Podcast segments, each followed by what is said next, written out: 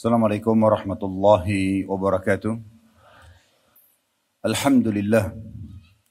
Kalimat suci, kalimat mulia yang selalu terucapkan rilisan orang-orang yang beriman kepada Sang Pencipta Allah. Dengan penuh keyakinan bahwa sayang kalimat ini adalah kalimat penghubung antara seorang hamba dengan Tuhannya yang Maha Kuasa Allah sang pencipta telah menjadikan kalimat ini sebagai kalimat berterima kasih kepadanya. Yang dengan seringnya diucapkan kalimat ini, maka seluruh kebutuhan untuk roda kehidupan di muka bumi ini, plus nanti ditambah dengan balasan yang terbaik di surga di akhirat kelak akan dicapai. Oleh karena itu teman-teman sekalian, jadikan kalimat ini sebagai kalimat yang selalu membasahi dan bibir kita Selanjutnya kita mengucapkan salam hormat kita kepada utusan Allah Nabi besar Muhammad sallallahu alaihi wa ala alihi wa sahbihi wasallam di mana Allah Subhanahu wa taala memerintahkan kita untuk mengucapkan salam hormat kepadanya dengan sekian banyak keutamaan. Di antaranya dengan mengucapkan satu kali salam hormat kepada manusia terbaik ini akan dibalas dengan sepuluh rahmat. Andai saja dibalik dengan mengucapkan sepuluh kali salam hormat dibalas satu rahmat Allah sudah sangat cukup. Apalagi mengucapkan satu kali salam hormat kepada beliau dibalas sepuluh rahmat. Dan rahmat Allah ini meliputi segala sesuatunya. Apakah itu pemenuhan kebutuhan, pengampunan dosa, solusi dari permasalahan, peninggian derajat, semua masuk di bawah naungan rahmat Allah subhanahu wa ta'ala. Oleh karena itu setelah memuji Allah dan selalu memuji Allah bersyukur kepadanya alhamdulillah seringlah mengucapkan salam hormat kepada Nabi sallallahu alaihi wa ala alihi wa sahbihi wasallam. Pada kesempatan ini saya tentunya memulai dengan bersyukur kepada Allah Subhanahu wa taala sebagaimana yang Nabi alaihi salatu wassalam selalu ucapkan di saat nikmat melimpah Alhamdulillahilladzi bi ni'matihi tatimmus salihat. Segala puji dan puja kehadirat Allah Subhanahu wa taala yang semua kebaikan tersempurnakan dengan izinnya. Karena memang kalau bukan dengan izin Allah Subhanahu wa taala kita tidak akan tergerak, tidak akan mampu, tidak punya daya dan kekuatan untuk berkumpul di tempat ini. Baik teman-teman yang datang dari sekitar Sumatera Barat, apalagi yang datang jauh di luar daripada pulau Sumatera, ada dari Sulawesi, ada dari Jawa, bahkan kemarin sempat ada teman kita juga yang datang dari Irian, dari Papua, cuma mungkin karena beliau ada udur harus balik hari ini. Kalau bukan dengan izin Allah Subhanahu wa taala kita tidak mungkin berkumpul di sini. Kemudian selanjutnya kita juga menjalankan hadis Nabi alaihi salatu wassalam, "Man lam yashkurun nas la yashkurullah." Siapa yang tidak berterima kasih pada manusia, maka belum bersyukur atau berterima kasih kepada Allah. Maka saya pribadi mengucapkan kepada Ibu Dr. Zerni Melmusi, MM dan juga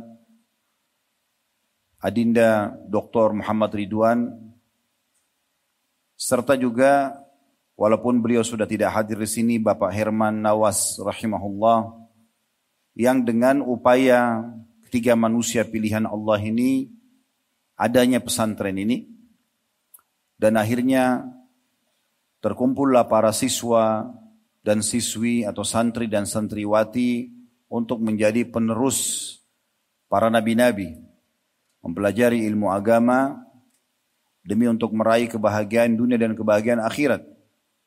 Maka sudah sangat pantas kalau kita selalu mengucapkan kepada para pendiri jazakumullahu khairan atas berdirinya mahat ini.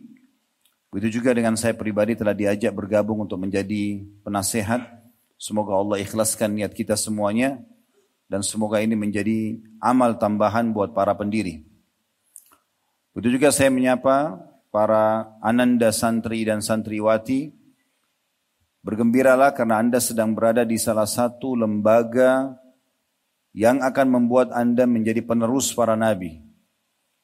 Dalam sebuah hadis yang sahih di mana Nabi alaihi salatu wasallam bersabda, "Al-ulama'u warathatul anbiya." para ulama adalah pewarisnya para nabi. Wa innal anbiya lam yuwarrithu dinaran wala dirhama. Dan para nabi-nabi tidak pernah mewariskan dirham dan dinar, bukan harta. Wa innama warrathul ilm. Tapi mereka mewariskan ilmu. Faman akhadahu akhadha bihadzin wafir. Siapa yang mengambil kesempatan itu, pelajari ilmu-ilmu yang dibawa oleh para nabi, maka dia telah mendapatkan bagian terbesar dari hidupnya. Di sini Ananda semua belajar, tinggal mengikhlaskan niat agar bisa mempelajari apa yang Allah Subhanahu wa taala perintahkan dan larang. Tujuan utamanya adalah supaya punya pegangan hidup, prinsip hidup. Kita jadi tahu mana boleh, mana tidak boleh. Dari makanan, dari minuman, dari pergaulan, dari pendapatan. Di mana nanti Ananda semua insya Allah pada saat keluar dari sini akan mulai berbaur di kehidupan masyarakat. Mulai menyusun program-program hidup yang itu butuh sekali panduan agama. Sekaligus juga untuk memberikan balasan yang terbaik untuk kedua orang tua tercinta yang menjadi penyebab ananda semua bisa ada di sini, bisa belajar agama karena mereka. Gembirakanlah, berilah mereka nama-nama yang harum dengan prestasi-prestasi terbaik Belajar agama saja sudah cukup membuat amal jariah mengalir untuk keduanya. Apalagi dengan prestasi-prestasi tambahan dengan juara misalnya. Tujuannya bukan untuk sombong, bukan untuk riak dan sum'ah. Tapi tujuannya untuk meraih yang terbaik. Dan itu dibolehkan dalam Islam. Saya juga menyapa para wali santri dan santriwati yang telah memilih RA Internasional sebagai tempat menitip anak mereka Jazakumullahu khairan. Semoga Allah balas Bapak Ibu dengan pahala yang melimpah dengan pilihan ini. Dan mudah-mudahan insya Allah Bapak Ibu tidak salah dalam memilih tempat dan lembaga. Karena di sini teman-teman sudah berusaha berjuang untuk memberikan sarana dan prasarana, kurikulum pendidikan, semuanya yang baik. Atau berusaha terus meningkat menjadi yang terbaik.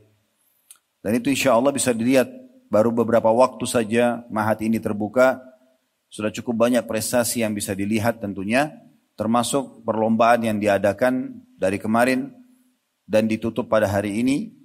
Dan tadi sudah disebutkan para pemenang-pemenangnya.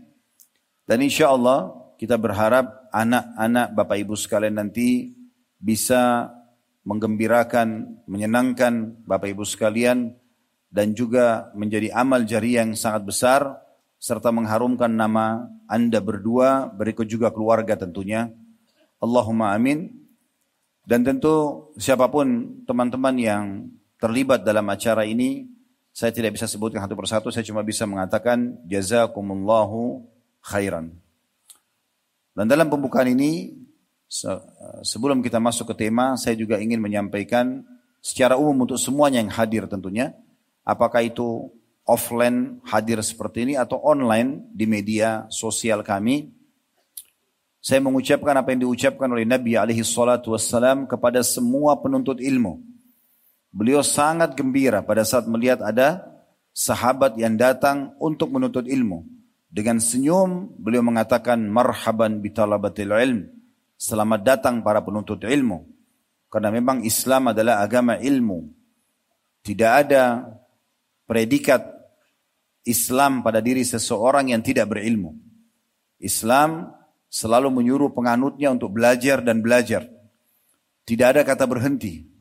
Dari mulai kita diajarkan sesuatu yang positif oleh kedua orang tua kita, sampai kita menghembuskan nafas terakhir, kita akan terus menuntut ilmu. Tidak ada kata berhenti. Abu Yusuf rahimahullah, seorang murid dari imam yang masyhur Imam Abu Hanifah sebelum beliau wafat beliau pada saat lagi sakit keras di atas ranjangnya mengingat dulu pernah berselisih pendapat dengan seorang sahabatnya sekian tahun yang lalu pada saat beliau masih sehat salah satu cabang yang dibahas dalam masalah fikih tepatnya ilmu faraid. Maka beliau pun setelah berpisah sama temannya beliau baru menyadari temannya yang benar secara hujjah dan argumentasi atau hujjah, hujjah ataupun argumentasi. Namun masa dulu tidak ada perangkat seperti kita sekarang, belum ada handphone, belum ada media yang bisa memfasilitasi seseorang bisa komunikasi dan mencari temannya atau kerabatnya di jarak jauh karena temannya pada saat itu sudah keluar dari wilayah Irak dan Abu Yusuf tidak tahu dia ke mana. Subhanallah pada saat dia sebelum meninggal temannya mendengar dan temannya datang. Di detik-detik sebelum meninggal dunia, pada saat temannya masuk ke dalam kamar Abu Yusuf, Abu Yusuf tersenyum melihatnya sambil mengatakan Alhamdulillah yang telah mendatangkan engkau kepadaku. Apakah engkau masih ingat dulu kita pernah berselisih pendapat dalam masalah ini dan itu? Temannya mengatakan iya. Setelah engkau pergi pada saat itu saya baru menyadari ternyata pendapat engkau yang benar. Argumentasi atau dalil yang kau sampaikan itu lebih benar. Maka tolong ajarkan kepadaku dalil-dalil yang pernah engkau sampaikan itu. Ini di ranjang kematian, sudah sebentar lagi akan meninggal dunia. Maka temannya mengatakan, wahai Abu Yusuf, anda sekarang sudah sakit parah. Ucapkan la ilaha illallah. Maka dia mengatakan, saya sudah mengucapkannya.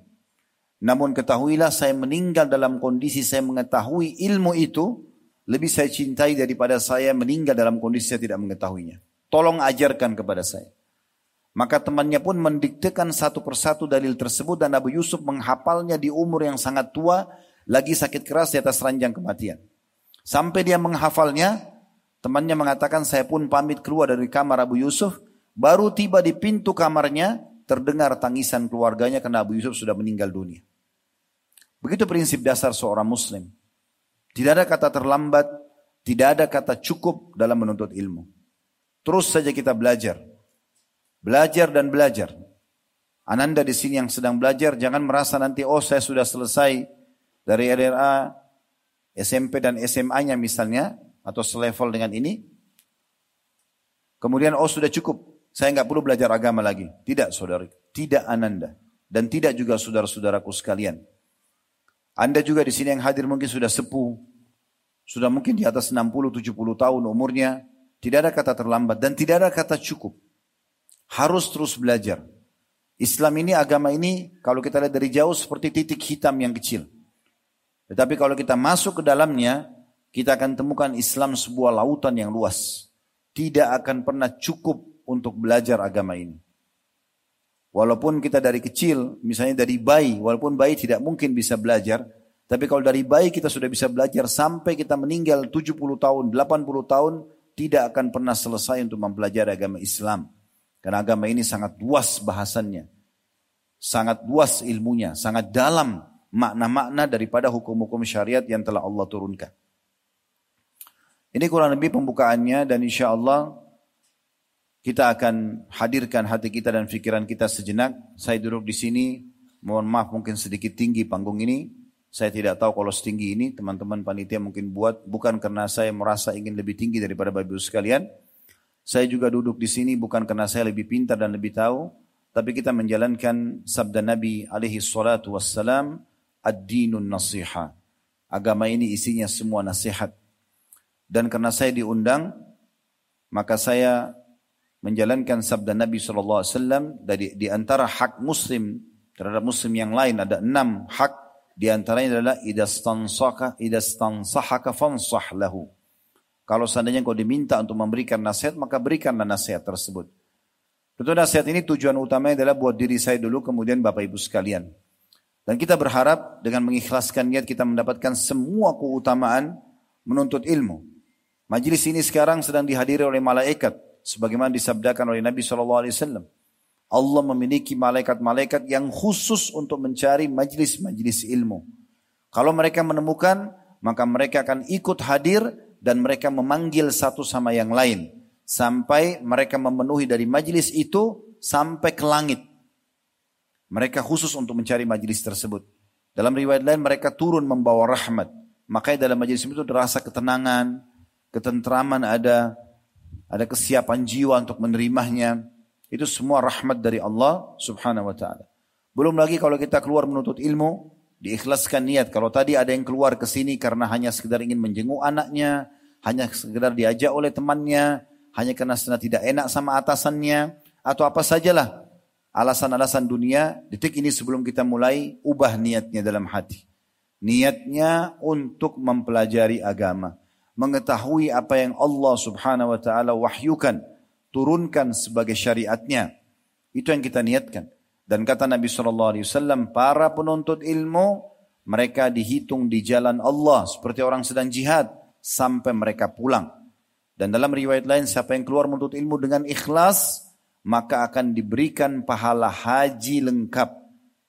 Ini semua keutamaan dan cukup banyak hadis sampai Ibnu Qayyim rahimahullah menyusun lebih dari 100 keutamaan penuntut ilmu. Sekian banyak. Dan itu tidak terhitung lagi tentunya, cukup tadi sebagian yang sudah kita sampaikan. Pada kesempatan ini teman-teman sekalian, semoga Allah khilaskan niat kita akan membahas judul Jadilah tanda kutip VIP. Saya bahas dulu judul ini. Kenapa tanda kutip diberikan pada VIP? Alasannya yang pertama karena memang ini belum baku dalam bahasa Indonesia. Cuman sudah dikenal. Dia dalam bahasa Inggris. Gitu. Jadi kita menggunakan ini bukan karena ingin menggunakan bahasa asing. Tapi karena sudah memasyarakat. Dan orang sudah tahu. Bahkan kita biasa lihat tertulis di bandara ruangan VIP. Di tempat-tempat lembaga instansi ada ruangan VIP, ada tamu VIP, gitu kan. Semua sudah digunakan ini. Oleh karena itu saya menggunakan bahasa ini atau kata ini agar lebih mudah difahami sebenarnya. Dan saya mengajak diri saya dan teman-teman sekalian untuk menjadi VIP tapi dalam pandangan Islam. Kenapa saya katakan dalam pandangan Islam teman-teman sekalian? Karena dalam pandangan orang-orang non-muslim, VIP itu hanya sebatas di dunia saja. VIP itu hanya sekedar memiliki harta, memiliki jabatan, selesai. Kalau kita orang Islam tidak. Selain apa yang mereka kejar itu, kita juga mengejar terus untuk menjadi, menjadi VIP di dunia ini dan terus menjadi VIP di akhirat sana. Bukan cuma menjadi orang biasa, tapi kita menjadi orang-orang yang dipentingkan atau terpentingkan. Ya. Dimuliakan ekstra dibandingkan dengan orang-orang umumnya. VIP di dunia ini akan mendatangkan fasilitas dan pelayanan istimewa. Juga ekstra bila dibandingkan orang yang bukan VIP. Berapa kali mungkin kalau teman-teman di sini naik pesawat misalnya, kemudian Anda bisnis kelas, disiapkan lounge, tempat tunggu, ada makanan, ada minuman, sofa yang empuk, sambutan yang hangat. Sementara orang yang ekonomi tidak seperti itu. Anda juga maaf kalau ingin butuh kamar mandi, tempatnya juga khusus. Anda kalau naik pesawat bisnis kelas, tempatnya di depan, kursinya lebih besar, Fasilitasnya lebih luar biasa dibandingkan orang lain. Anda menjadi tamu VIP, Anda akan diberikan tempat di depan, Anda akan disambut lebih murid, lebih meriah. Anda akan diberikan kedudukan, puji-pujian dan segala macam hal. Para pejabat, para pedagang, ilmuwan dan siapa pun yang memiliki kedudukan di masyarakat, ya, itu akan mendapatkan semua itu keistimewaan karena dianggap mereka VIP. Dan ini tidak bisa dipungkiri akan menambah kemul, ke, ke, kebahagiaan dan kemudahan. Orang kalau dihormatin segala ada kebahagiaan tersendiri, ada kebanggaan tersendiri bagi dia. Begitu juga akan banyak kemudahan bagi dia. Yang mungkin tidak didapatkan oleh selain orang yang yang tidak didapatkan selain orang VIP. Penghormatan, pemuliaan, keamanan, dan hal-hal yang semisalnya akan dirasakan. Bahkan ekstra. Yang perlu kita garis bawahi, Islam sama sekali tidak pernah melarang penganutnya untuk mencapai level VIP itu. Islam tidak pernah melarang penganutnya misalnya untuk mengejar titel tertinggi di akademisi, di akademik misalnya. Misalnya sudah selesai Ananda di sini yang sekolah misalnya SMP SMA, setelah itu masuk universitas. Selesai S1, silakan S2. Selesai S2 silakan S3. Selesai S3 masih ada jenjang mungkin atau mengejar gelar lebih tinggi, profesor misalnya. Silahkan. Islam tidak pernah melarang itu. Bahkan memotivasi agar terus mengejar sesuatu yang bisa memperbaiki nama kita. Menambah income kita. Selama jalannya benar secara agama. Islam tidak pernah membatasi seorang pedagang, oh hanya bisa memiliki harta sekian. Silahkan menjadi orang yang paling kaya. Saat ibn Ubadah radhiyallahu kalau pernah dengar nama ini, ini pemimpin kaum muslimin dari kalangan Ansar di Madinah. Beliau adalah orang terkayanya Madinah. Dan beliau menjadikan secara khusus doanya, Ya Allah limpahkan, perbanyak hartaku. Limpahkan yang di luar daripada biasa income orang, limpahkan hartaku dan mudahkan aku untuk meraih rahmatmu dengan mensedekahkannya di jalanmu. Maka Allah subhanahu wa ta'ala bukakan tidak pernah berhenti panen kurma, kebun kurma beliau yang terbesar di Madinah sepanjang tahun. Dan uniknya Allah kabulkan juga karena dia ingin itu diberikan di jalan Allah. Setiap hari dia dengan anaknya yang bernama Qais. Radiyallahu anhuma, dua-dua ayah dan anak ini luar biasa, terkenal dermawan. Si saat mengatakan pada anaknya, ini gudang hartanya ayah, Bagi-bagikan. Sedekahkan di jalan Allah. Setiap hari ayah sama anak ini naik ke atas rumah mereka. Walaupun karena pada saat itu belum ada mikrofon pengeras suara. Naik ke atas atap lalu kemudian mereka berteriak berdua. Wahai muslimin, siapa yang butuh makanan, butuh minuman, ya, butuh uang, butuh pakaian, apa saja, datang silakan. Dibagi cuma-cuma. Tiap hari mereka begitu. Subhanallah, sampai gudangnya habis. Setelah habis, ya, besok datang lagi lebih banyak daripada yang sebelumnya. Ini tidak masuk dalam hitungan matematika orang-orang kapitalis.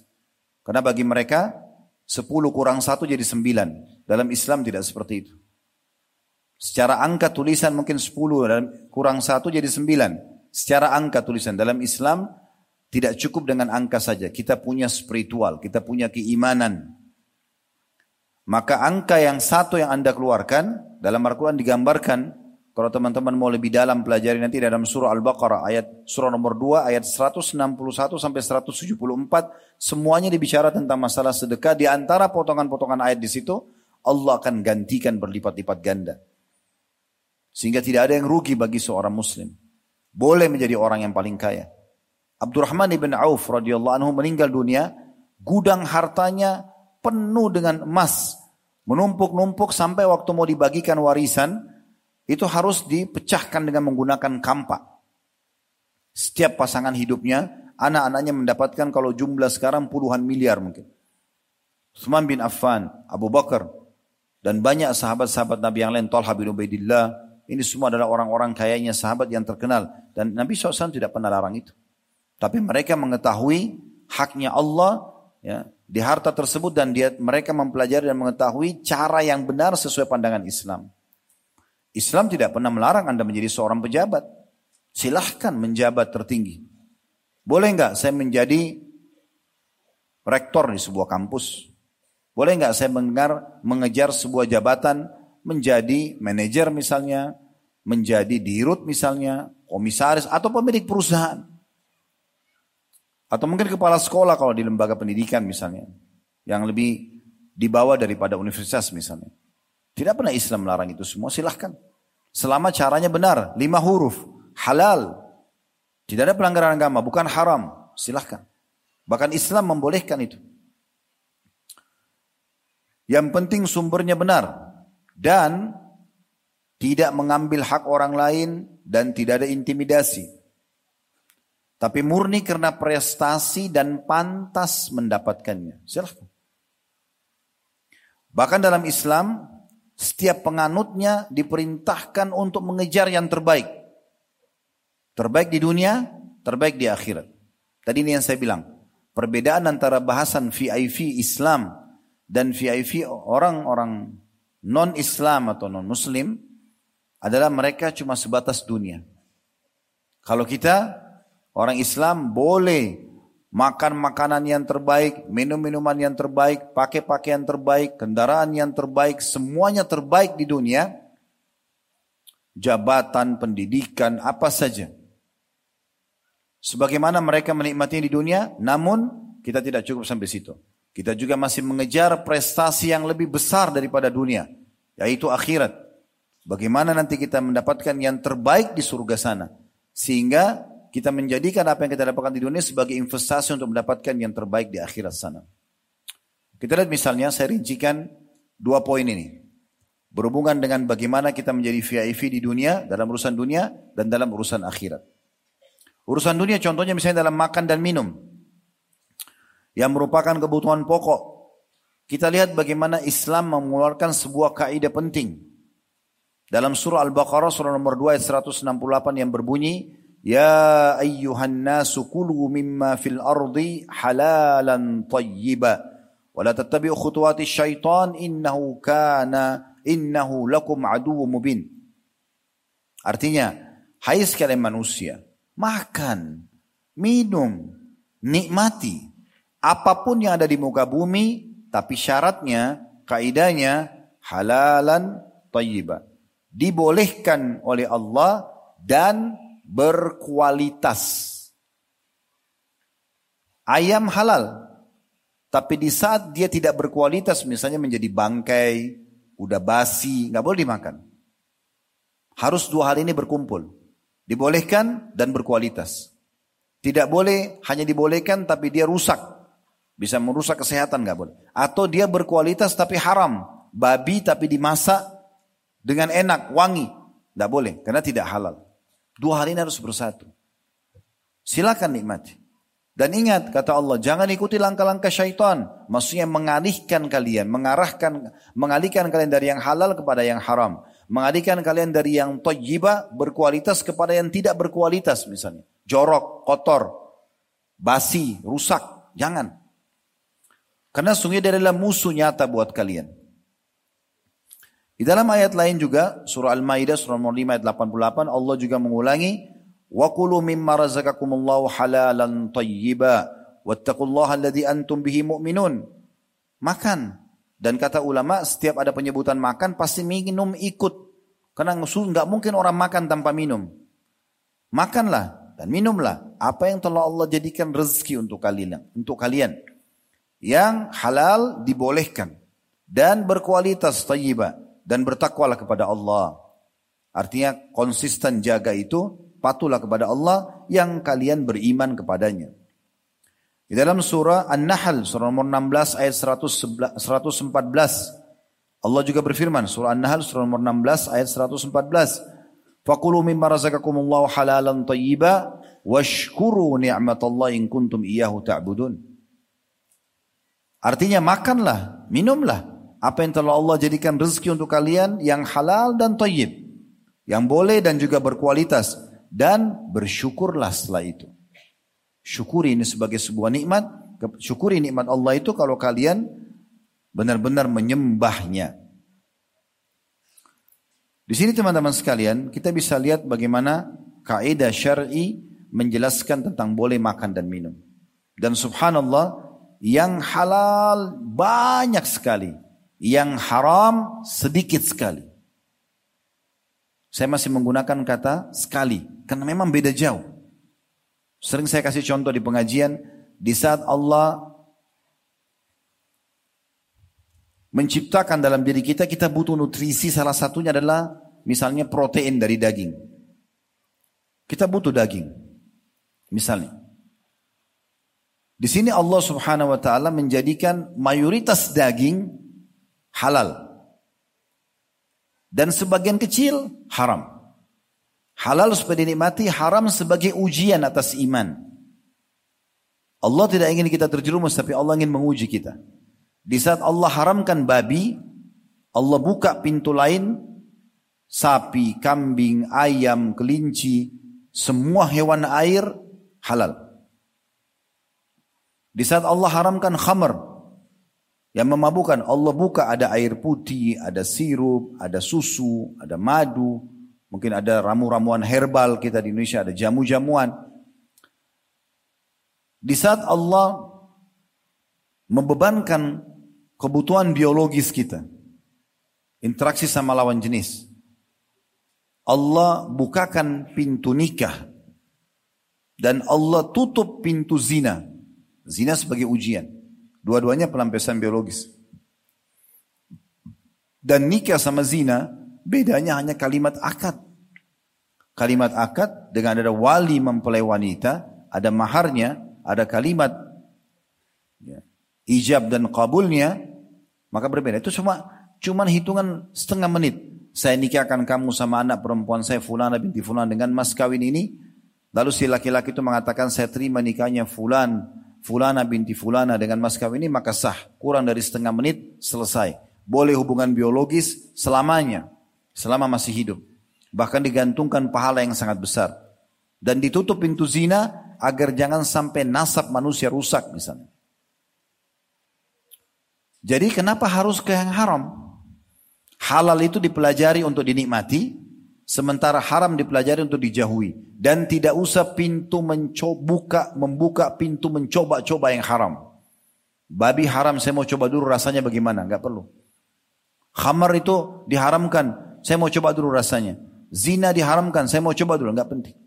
Karena mereka memang apa yang haram ini dipelajari untuk dijauhi, bukan untuk dicoba. Karena semua sumber permasalahan hidup manusia yang telah disebutkan dalam syariat Allah adalah dosa.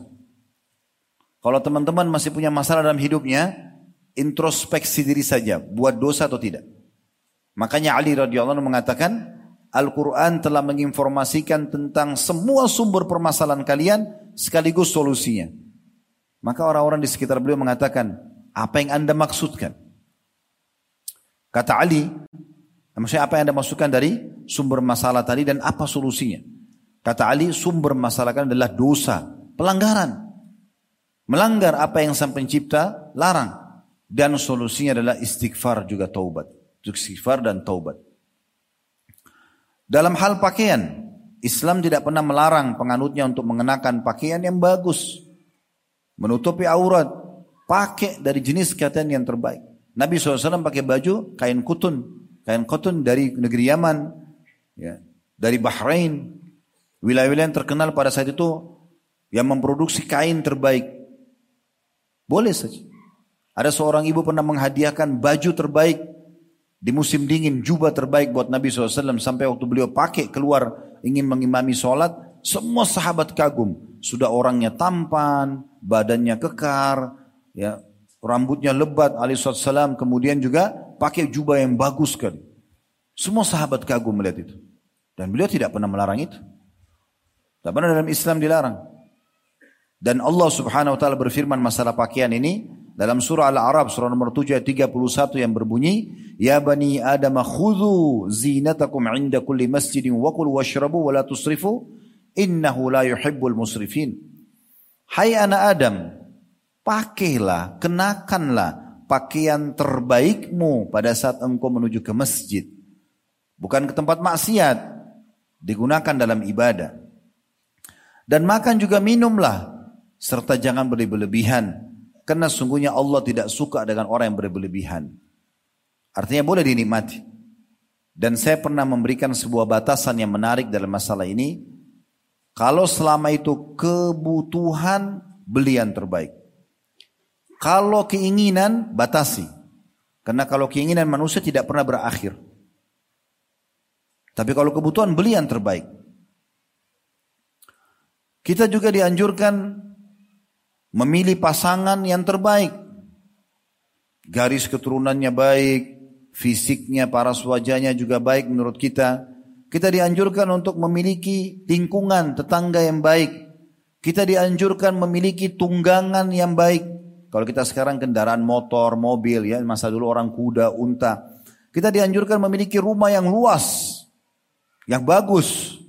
Islam tidak pernah batasi. Semua itu tergabungkan dalam Hadis Nabi alaihi salatu wassalam, hadis yang disesuaikan oleh Syekh Albani yang berbunyi, Arba'un minas sa'ada.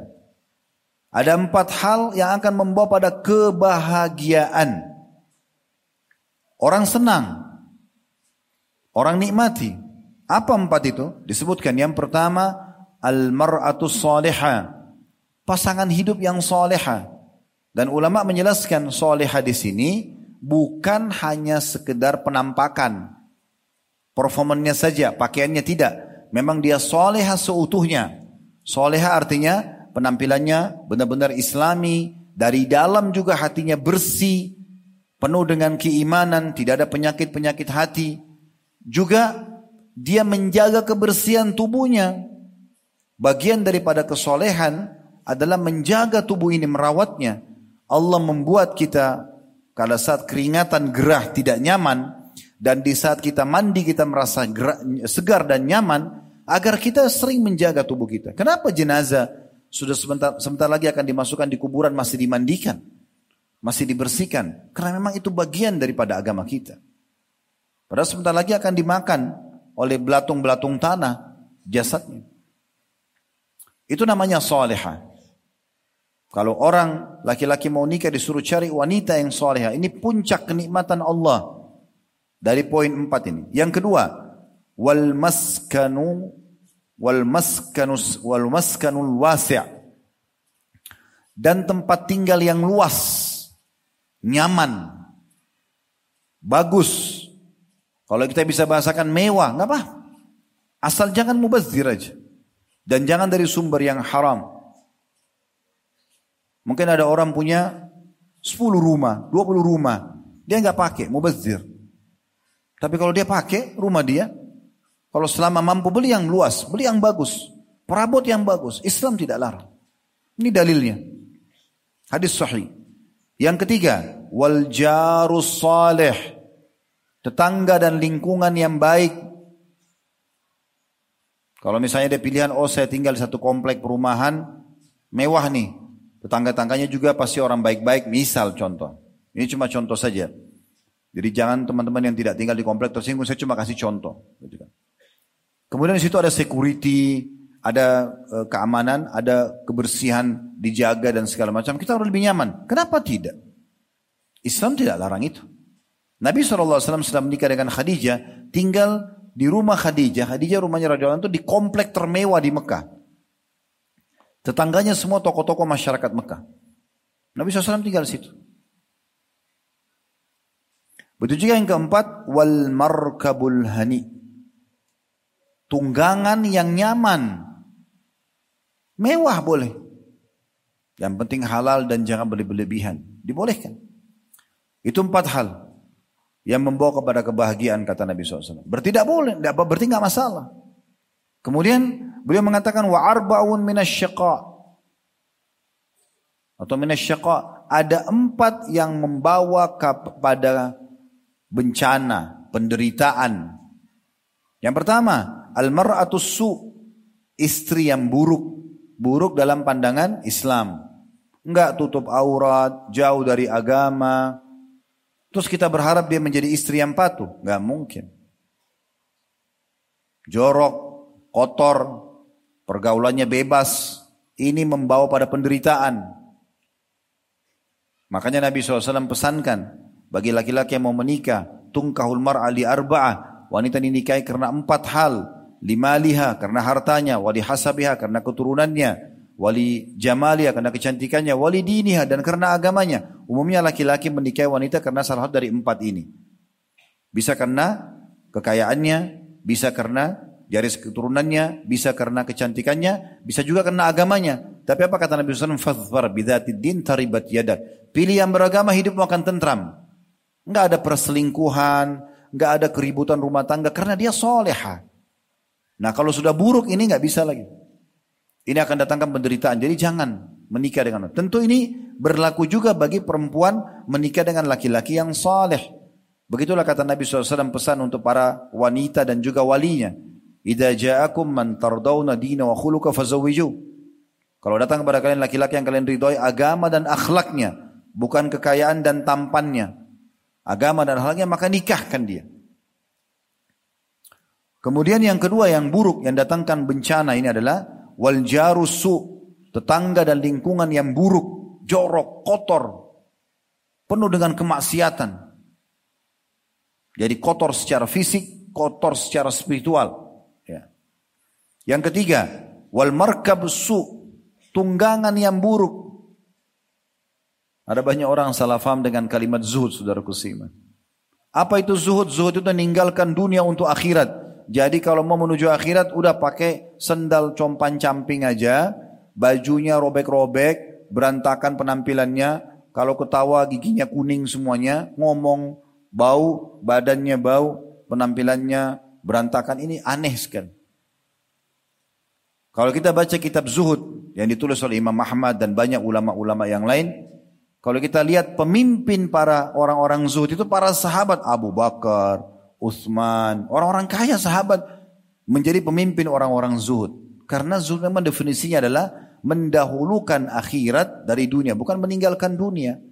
Allah jelaskan dalam surah Al-Qasas tentang masalah ini. Surah nomor 28 ayat 77 kan? Wabtaqi fima ataqallahu daral akhirah wa la tansa nasibaka minad dunya. Kejar apa yang Allah janjikan di akhirat sana dan jangan lupakan bagianmu dari dunia. Jadi VIP di sini, jadi VIP di sana. Kita semua punya waktu sama teman-teman sekalian. 24 jam. Kita semua punya dua mata, punya dua kuping, dua tangan, dua kaki. Sama.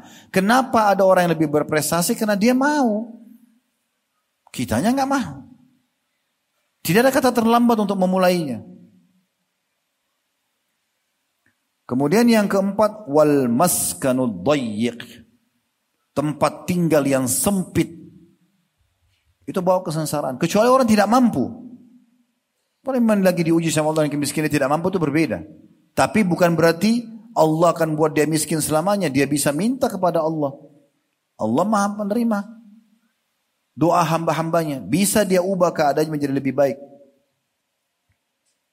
Jadi empat hal membawa kebahagiaan, istri yang soleha, tempat tinggal yang luas, tetangga dan lingkungan yang baik, serta tunggangan yang nyaman.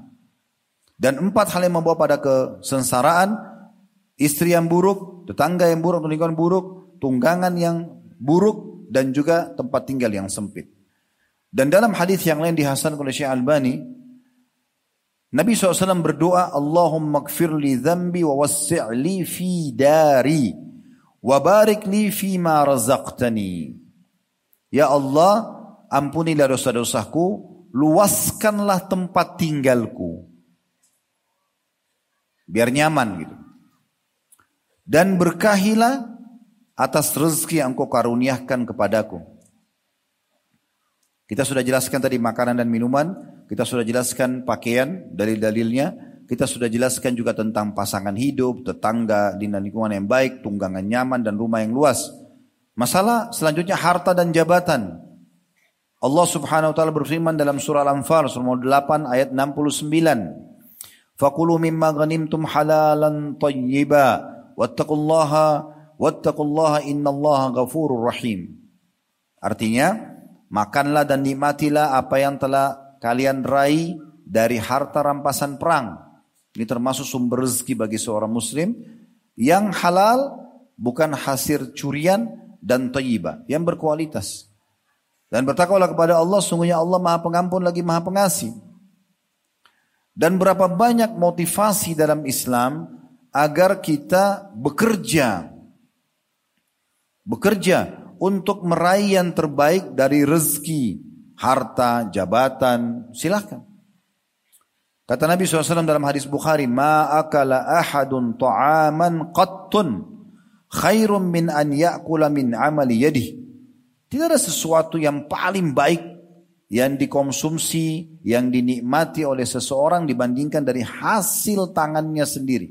Disuruh kita bekerja, jangan malas. Ya. Kita makan, bekerja, prestasi, kejar. Wa inna Nabi Allah Dawud kana ya'kul min amali yadi. Ketahuilah salah satu contoh yang terbaik adalah Nabi Allah Daud dia makan dari hasil kerjanya sendiri. Dalam hadis Bukhari yang lain, la an yahtatiba ahadukum min ala dhahrihi khairun min an yas'ala ahadan fayu'tiyahu aw yamna'ahu. Seseorang dari kalian memikul di pundaknya mengumpulkan ranting-ranting, kayu ranting masuk ke hutan ya di gunung-gunung yang tidak berpenghuni diambil ranting-ranting kering dikumpulkan diikat dipukul dipikul di pundaknya dalam riwayat lain dia bawa ke pasar untuk dia jual kemudian dia hidup dengannya itu jauh lebih mulia daripada dia minta-minta kepada orang diberikan atau tidak.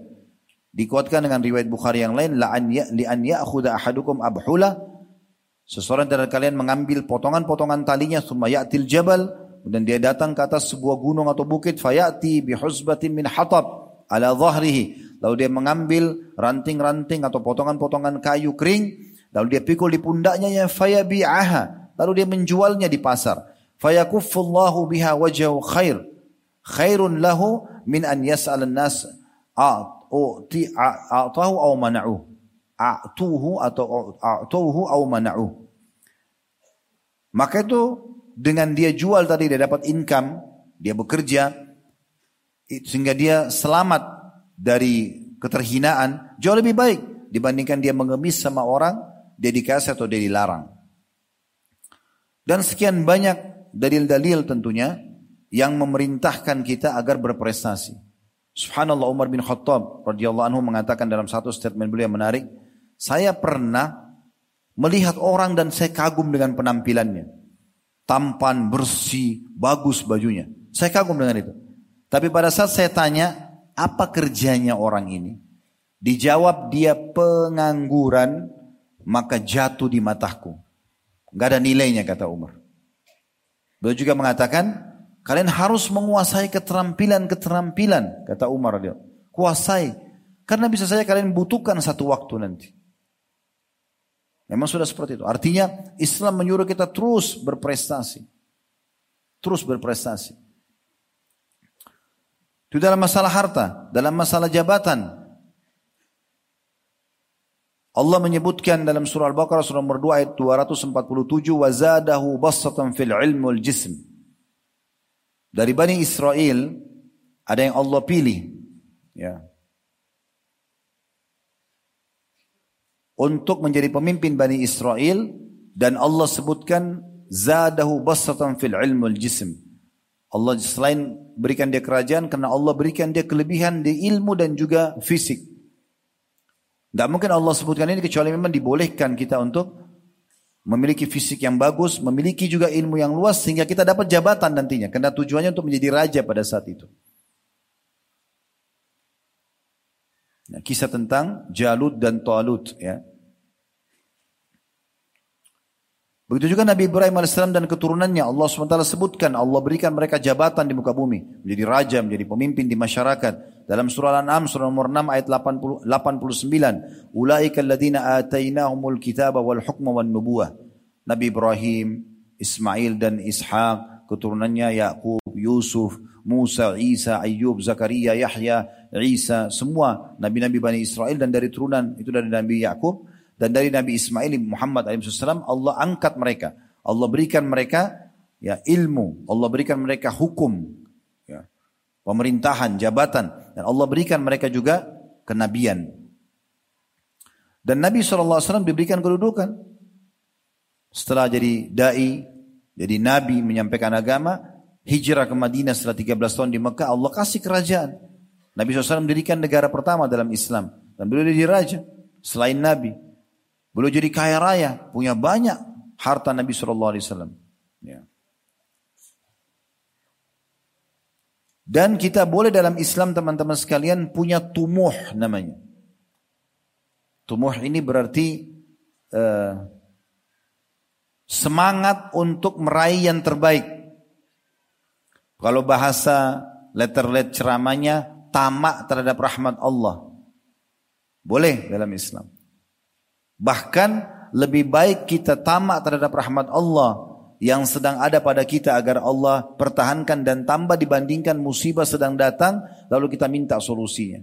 Kalau teman-teman lagi sehat kayak sekarang, kemudian minta kepada Allah Azza wa Jalla, ya Allah pertahankanlah kesehatanku misalnya. Itu lebih afdal dalam berdoa dibandingkan kita sakit baru minta disembuhkan. Kita sudah kaya, minta ya Allah tambahkan, berkahi. Lebih baik daripada nanti sudah bangkrut baru minta solusinya. Makanya kata Nabi SAW, kenali Tuhanmu pada saat kau sedang susah, dia akan eh, kenali Tuhan pada saat engkau sedang lapang, maka dia akan mengenalimu pada saat engkau sedang susah. Ada satu uh, sesuatu yang unik di sini tentang kisah salah satu salaf Umar bin Abdul Aziz rahimahullah. Beliau ini terkenal dengan sahibu tumuh aliyah. punya semangat untuk meraih yang terbaik yang tinggi gitu. Tamak terhadap rahmat Allah. Uniknya Umar bin Abdul Aziz ini betul dari keturunan Uma, Uma, Umayyah atau Umayyah di masa itu karena kerajaan dinasti pertama dalam Islam namanya Umayyah atau Uma, uh, dinasti Umayyah itu dari tahun 40 Hijriah didirikan oleh Muawiyah radhiyallahu anhu sampai tahun 132 Hijriah. Nah, di, di kerajaan ini mereka pakai sistem uh, kerajaan Artinya keturunan berlanjut yang jadi raja. Subhanallah Umar bin Abdul Aziz dari keturunan Umayyah tapi tidak masuk dalam jalur akan menjadi raja. Tapi perhatikan ya, beliau punya tumuh, beliau punya semangat dan keinginan besar untuk meraih yang terbaik. Kita bicara jabatan ini ya. Maka beliau memohon kepada Allah agar Allah mengizinkan dia menjadi wali kotanya kota Madinah di masa itu. Padahal beliau sebenarnya tidak bisa jadi pada saat itu. Karena sistem kerajaan harus yang punya jalur yang ditunjuk oleh khalifah pada saat itu. Tapi dengan hikmah Allah SWT beliau jadi wali kota.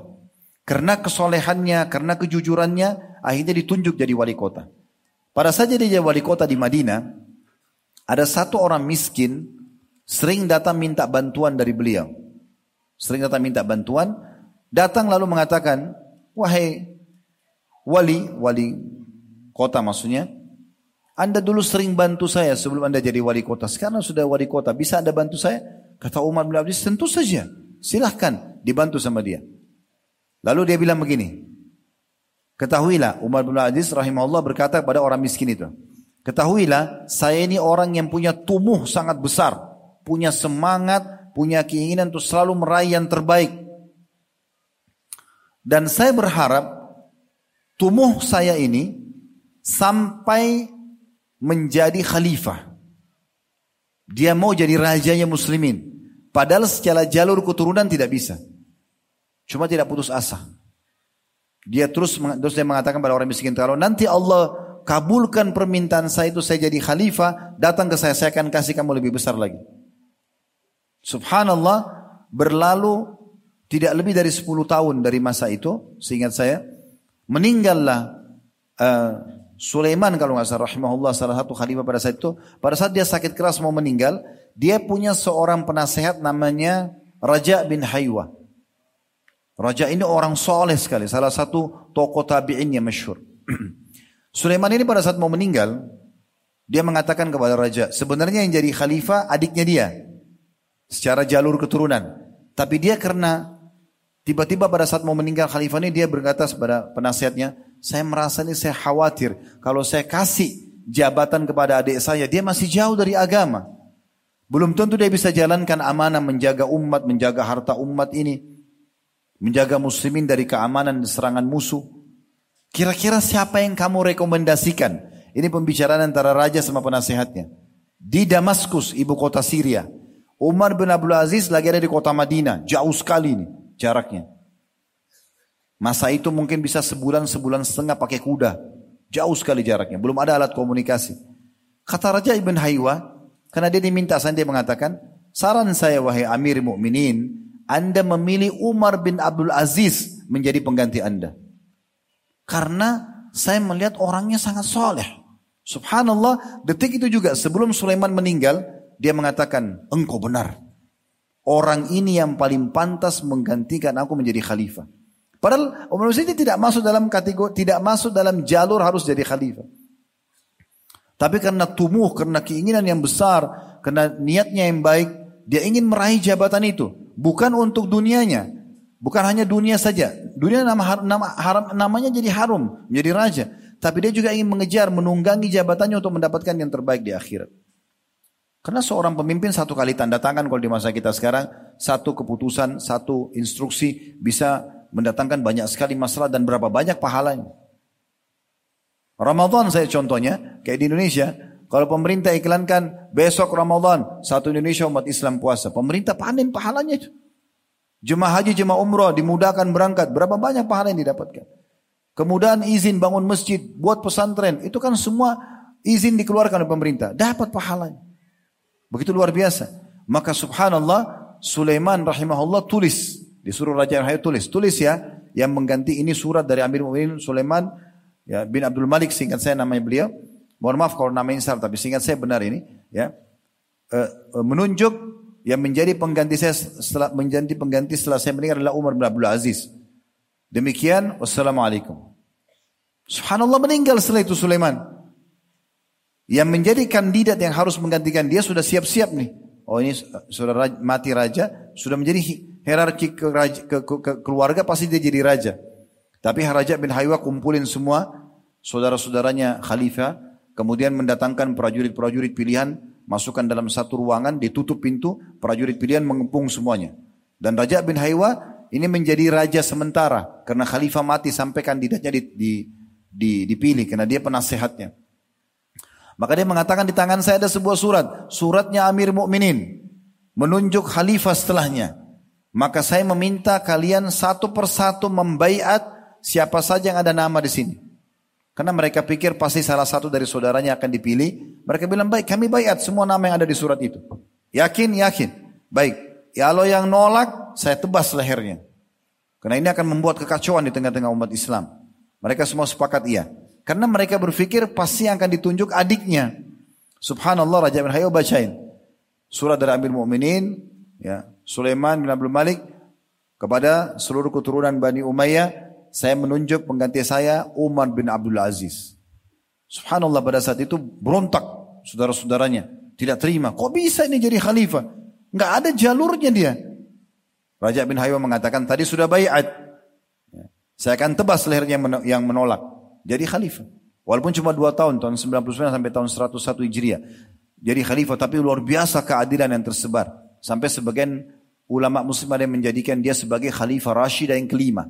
Maksudnya setelah Abu Bakar, Umar, Uthman, Ali, dianggap Umar bin adalah khalifah yang kelima. Karena keadilannya. Tapi kita ambil pelajaran dari tumuhnya. Bolehnya dalam Islam mengharapkan jabatan itu tapi untuk kebaikan. Bukan untuk kejahatan. Begitu juga teman-teman sekalian keturunan yang baik, keturunan yang jumlahnya banyak dalam Islam. Kita berharap Allah berikan sempurna fisiknya, sempurna akhlaknya. Nah mungkin bapak-bapak ibu juga yang memasukkan anak di sini tujuannya untuk itu kan.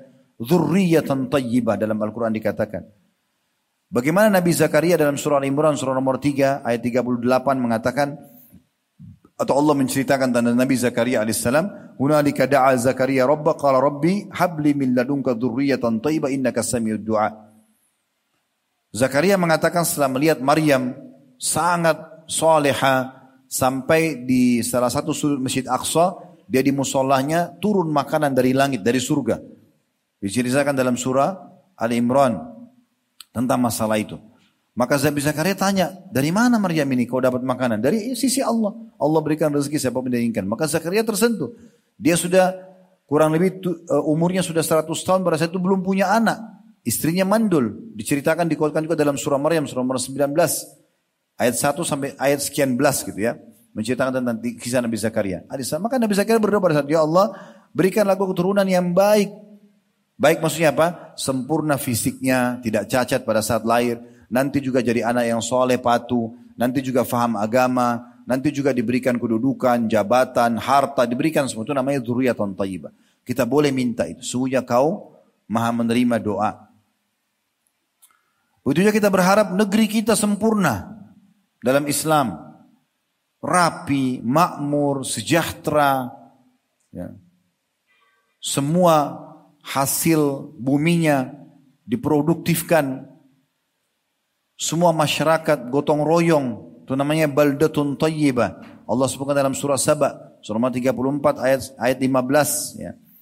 Baldatun tayyibah. Negeri yang sempurna. Apalagi yang sisa kira-kira dari urusan dunia? Semua sudah kita singgung. Yang saya ingin teman-teman tarik satu kesimpulan. Oh ternyata dalam Islam kita disuruh untuk cari yang terbaik dunia. Apa saja? Bahkan kalau kita ingin lebih detail teman-teman nama yang baik. Sampai Nabi SAW mengatakan pilihlah nama-nama yang baik buat anak-anak kalian. Karena nanti dengan itu akan dipanggil mereka pada hari kiamat nanti. Sampai pernah Nabi SAW lewat di sebuah jalan ada dua gunung. Sebelum lewat Nabi SAW tanya, apa namanya gunung ini? Ada yang tahu nggak? Ada sahabat mengatakan tahu ya Rasulullah. Kalau yang sebelah kanan, ya itu namanya Fadih. Fadih itu yang suka membongkar aib. Ada orang iseng namain begitu gunung itu. Kalau yang di sebelah kiri, muhzi, penghina. Kata Nabi SAW, kalau gitu kita cari jalan yang lain. Nabi cari jalan yang lain karena buruknya namanya tempat itu saja. Ditinggalkan sama Nabi. Jadi selalu yang terbaik, nama yang terbaik, pasangan terbaik, keturunan terbaik, jabatan terbaik, harta terbaik, tunggangan terbaik, semua ya e, pendidikan, harta itu dunia. Berarti dalam Islam kita disuruh jadi itu, jadilah VIP itu. Supaya kita dihormati, dilayani. Bagaimana caranya Ustaz? Caranya pertama sekali mohon kepada Allah SWT, kemudian yang kedua melakukan as, mengambil asbab, sebab-sebabnya. Oh untuk mencapai jabatan ini saya harus punya jenjang 1, 2, 3, 4, 5. Silakan. Untuk menjadi punya harta sebanyak ini saya harus melakukan ini, ini, ini. Sambil kita ambil sebab-sebabnya sisanya kita tawakal kepada Allah SWT. Allah akan kasih. Selanjutnya dalam hal ibadah. Dari dalam dunia. Sekarang kalau dalam ibadah. Semua penganut Islam disuruh cari yang terbaik. Biasa dalam agama kita disilakan dengan afdol. Ya, Mana ibadah yang paling afdal? Ibadah ini misalnya. Kita disuruh kejar itu karena itu prestasinya pahalanya lebih besar. Dan di mana Allah Subhanahu wa taala selalu menyuruh kita bersaing dalam masalah ibadah, bukan untuk ria, bukan. Tapi boleh dalam Islam kalau teman saya lebih khusyuk solatnya, lebih banyak hafalan Qur'annya, lebih banyak sedekahnya, kita boleh menjadikan itu sebagai ajang untuk bersaing. Kita mau lakukan hal yang sama dengan dia tanpa berharap hilang dari dia. Kalau masih atau kalau pernah dengar ya hadis tentang pada saat Nabi SAW kumpulin harta dari para sahabat untuk menghadapi perang Tabuk. 30 ribu pasukan akan berangkat butuh biaya besar. Maka waktu penyuruh Nabi SAW keliling Madinah mengatakan, wahai muslimin, Rasulullah SAW menyuruh kalian menyumbang dengan harta kalian untuk peperangan kita. Umar keluar membawa setengah harta lalu mengatakan, hari ini saya akan kalahkan Umar Abu Bakar. Karena dia tahu Abu Bakar selalu nyumbang paling besar. Umar bilang apa? Hari ini saya akan kalahkan Abu Bakar. Bukan menghina Abu Bakar, tapi merasa Abu Bakar ini besar sekali. Saya mau juga sama dengan dia. Kalau perlu saya kalahkan dia. Nah gitu. Bukan untuk ria, tapi untuk memotivasi dirinya. Waktu dia datang ke masjid dia mengatakan ya Rasulullah ini untuk Allah dan Rasulnya. Kata Nabi SAW, apa yang kau tinggalkan buat keluargamu? Maka kata Umar, seperti ini juga ya Rasulullah. Maksudnya setengah ini saya bawa buat jihad, setengah saya tinggalkan buat kebutuhan keluarga saya. Gak lama Abu Bakar datang. Lalu setelah Abu Bakar datang, dia mengatakan, Ya Rasulullah, ini adalah untuk Allah dan Rasulnya. Banyak harta. Lalu kata Nabi SAW, apa yang kau tinggalkan buat keluargamu? Dia mengatakan, Allah dan Rasulnya. Maksudnya semua yang saya miliki hari ini sudah saya keluarkan ya. Tidak ada tertinggal di rumah. Tapi rumah masih ada, kebun masih ada. Cuman yang dia milikin semua dikeluarkan. Kata kata Umar, dengan kejadian saya tahu saya tidak bisa menyaingi Abu Bakar. Tapi di sini boleh orang itu merasa lebih baik ibadah. Makanya Allah bilang dalam surah Al-Baqarah surah nomor 2 ayat 148, "Fastabikul khairat." Ayo bersaing dalam kebaikan. Saling bersaing, berlumba-lumba untuk kebaikan, tingkatkan kualitas ibadah kalian. Boleh teman kita bersedekah sejuta, kita sedekah dua juta. Yang penting jangan ria aja, jangan mau pamer. Supaya kita dapat pahala lebih besar daripada dia. Boleh. Teman kita hafal 15 juz, saya mau 17 juz. Memang boleh.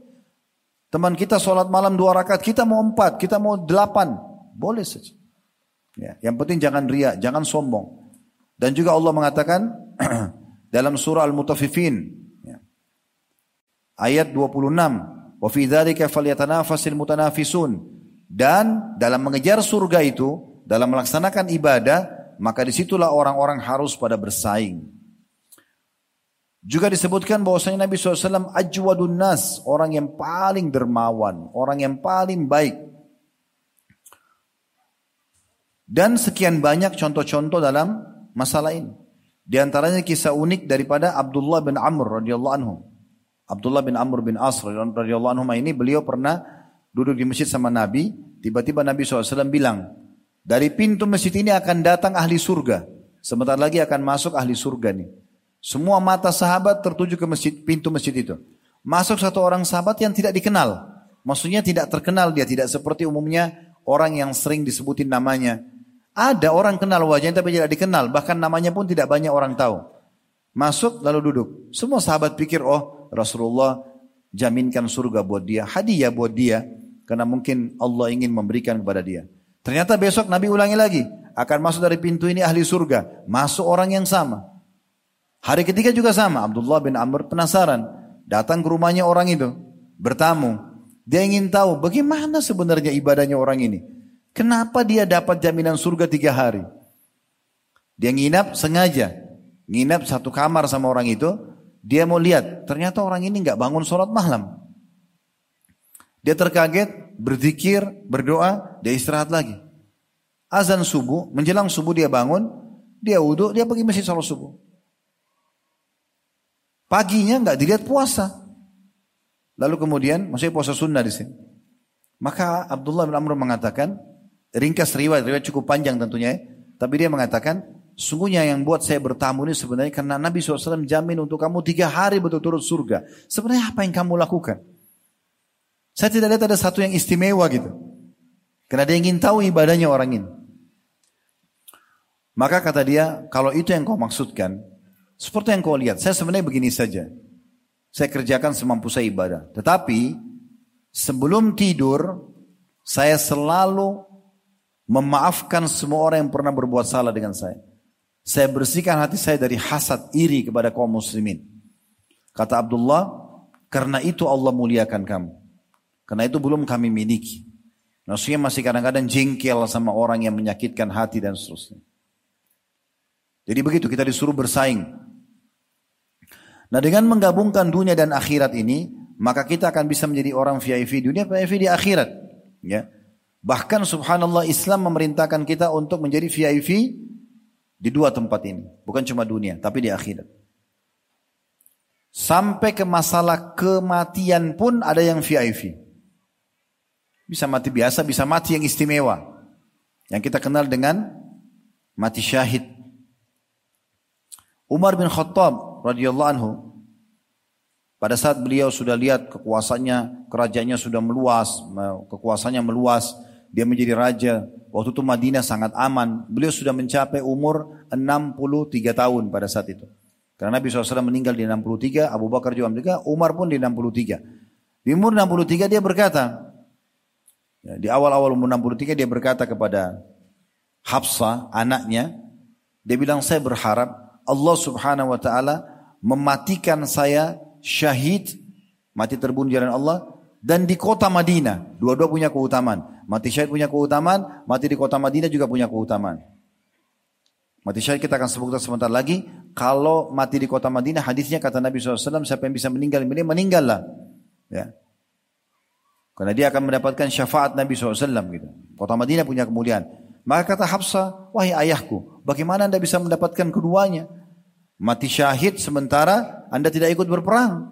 Madinah aman pada saat itu. Tidak ada yang berani nyerang Madinah di masa Umar karena kuatnya pasukan muslimin. Takluk tahun 15 Hijriah negeri Syam, Palestina, Jordania, Lebanon dan Syria. Tahun 16 takluk Persia. Ya, Timur, Jazirah Arab, Irak, Iran, Rusia, Afghanistan takluk semua. Tahun 20 Hijriah, Afrika Utara, Mesir, terbukalah Tunis, Jazair, Maroko, dan akhirnya ke Mauritania dan seterusnya di tahun 20 Hijriah. Semua di masa Umar. Umar bin Khattab dari tahun 13 sampai 23 Hijriah. Aman sekali. Kata anaknya Hafsah, bagaimana anda bisa baca? Anda tidak keluar berperang, tinggal di Madinah. Plus minta lagi mati di Madinah. Kata Umar apa? Ya Allah insya. Allah akan datangkan kalau Allah mau. Datanglah Abu Lulu menusuk Umar bin Khattab dan mendapatkan kedua mati terbaik. Ini mati VIP. Mati syahid dan juga mati di kota Rasulullah Sallallahu Alaihi Wasallam. Ujungnya kita tahu Abdullah bin Haram Amr bin Jamuh. Kalau pernah dengar namanya Alhamdulillah. Kalau belum pernah dengar, Abdullah bin Haram ini satu-satunya sahabat yang mati syahid diajak bicara oleh Allah tanpa hijab. Dia ayahnya Jabir. Kalau teman-teman biasa baca hadis an Jabirin atau dari Jabir bin Abdullah, nah Abdullah ini ayahnya. Abdullah bin Haram namanya. Jarang orang tahu nama orang ini. Tapi dia luar biasa. Waktu diiklankan oleh Nabi SAW, besok akan terjadi penyerangan di Uhud oleh pasukan Quraisy, maka di malam itu beliau memohon semalam suntuk, tidak tidur. Satu, semalam suntuk cuma berdoa, Ya Allah matikan aku syahid. Jadikan aku orang yang pertama mati syahid besok di Uhud. Dan Allah kabulkan. Waktu Nabi Nabi melihat Jabir lewat, Kata Nabi SAW, wahai Jabir, apa kau tahu bagaimana keadaan ayahmu sekarang? Dia bilang, tidak ya Rasulullah.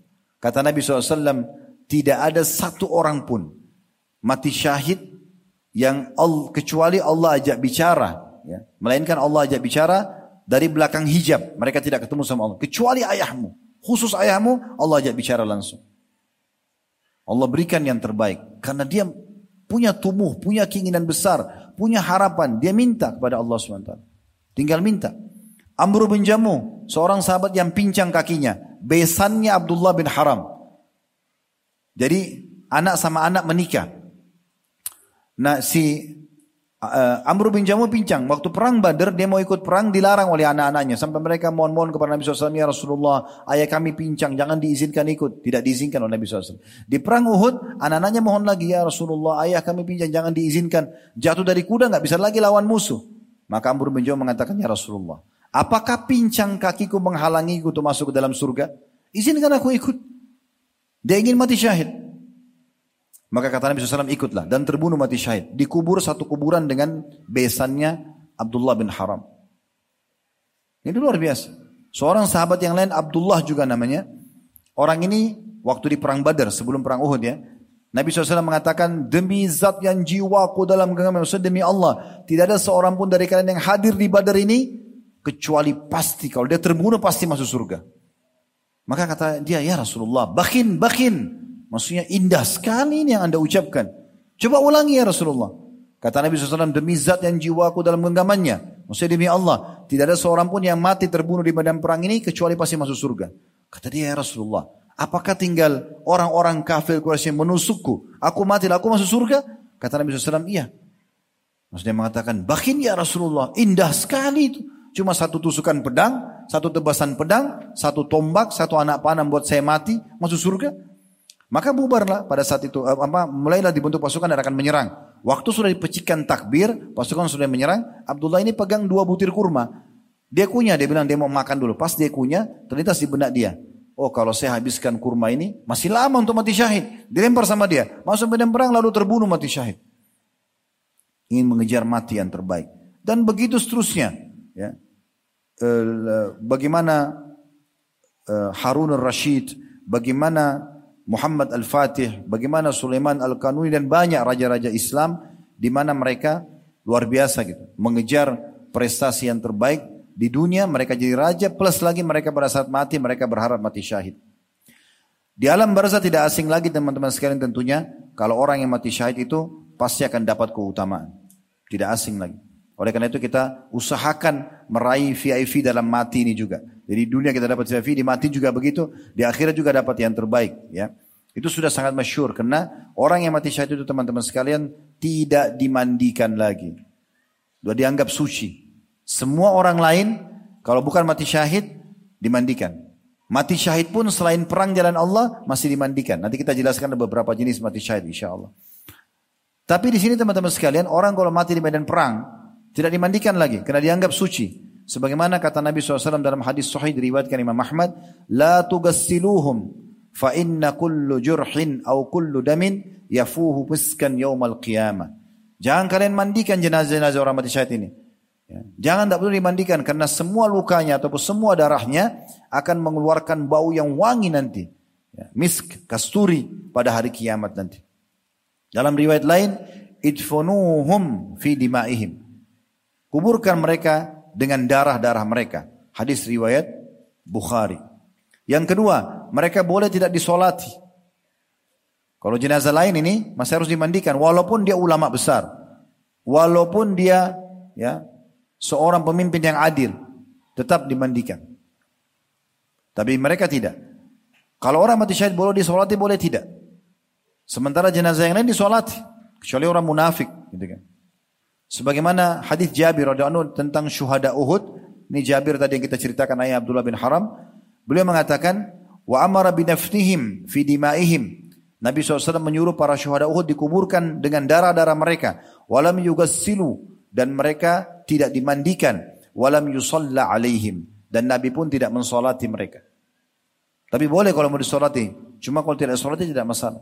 Karena solat jenazah kan memohonkan ampun buat mereka. Syuhada nggak perlu lagi. Hadis Bukhari. Dalam riwayat Anas, ghairu Hamzah. Kecuali Hamzah. Maksudnya Hamzah tetap disolati, yang lainnya tidak disolati. Hadis riwayat Abu Daud. Yang ketiga, tidak ditanya lagi oleh malaikat di kuburnya. Qila dalam sebuah riwayat. Ya. Qila ya Rasulullah, ma balul mu'minina yuftanuna fi kuburim illa syahid. Wahai Rasulullah, kenapa semua orang-orang mukmin masih diuji di kuburan mereka ditanya sama mungkar nakir? Kecuali orang mati syahid. Qala kata Nabi SAW, kafa bibariqati suyufi ala ra'sihi fitnah.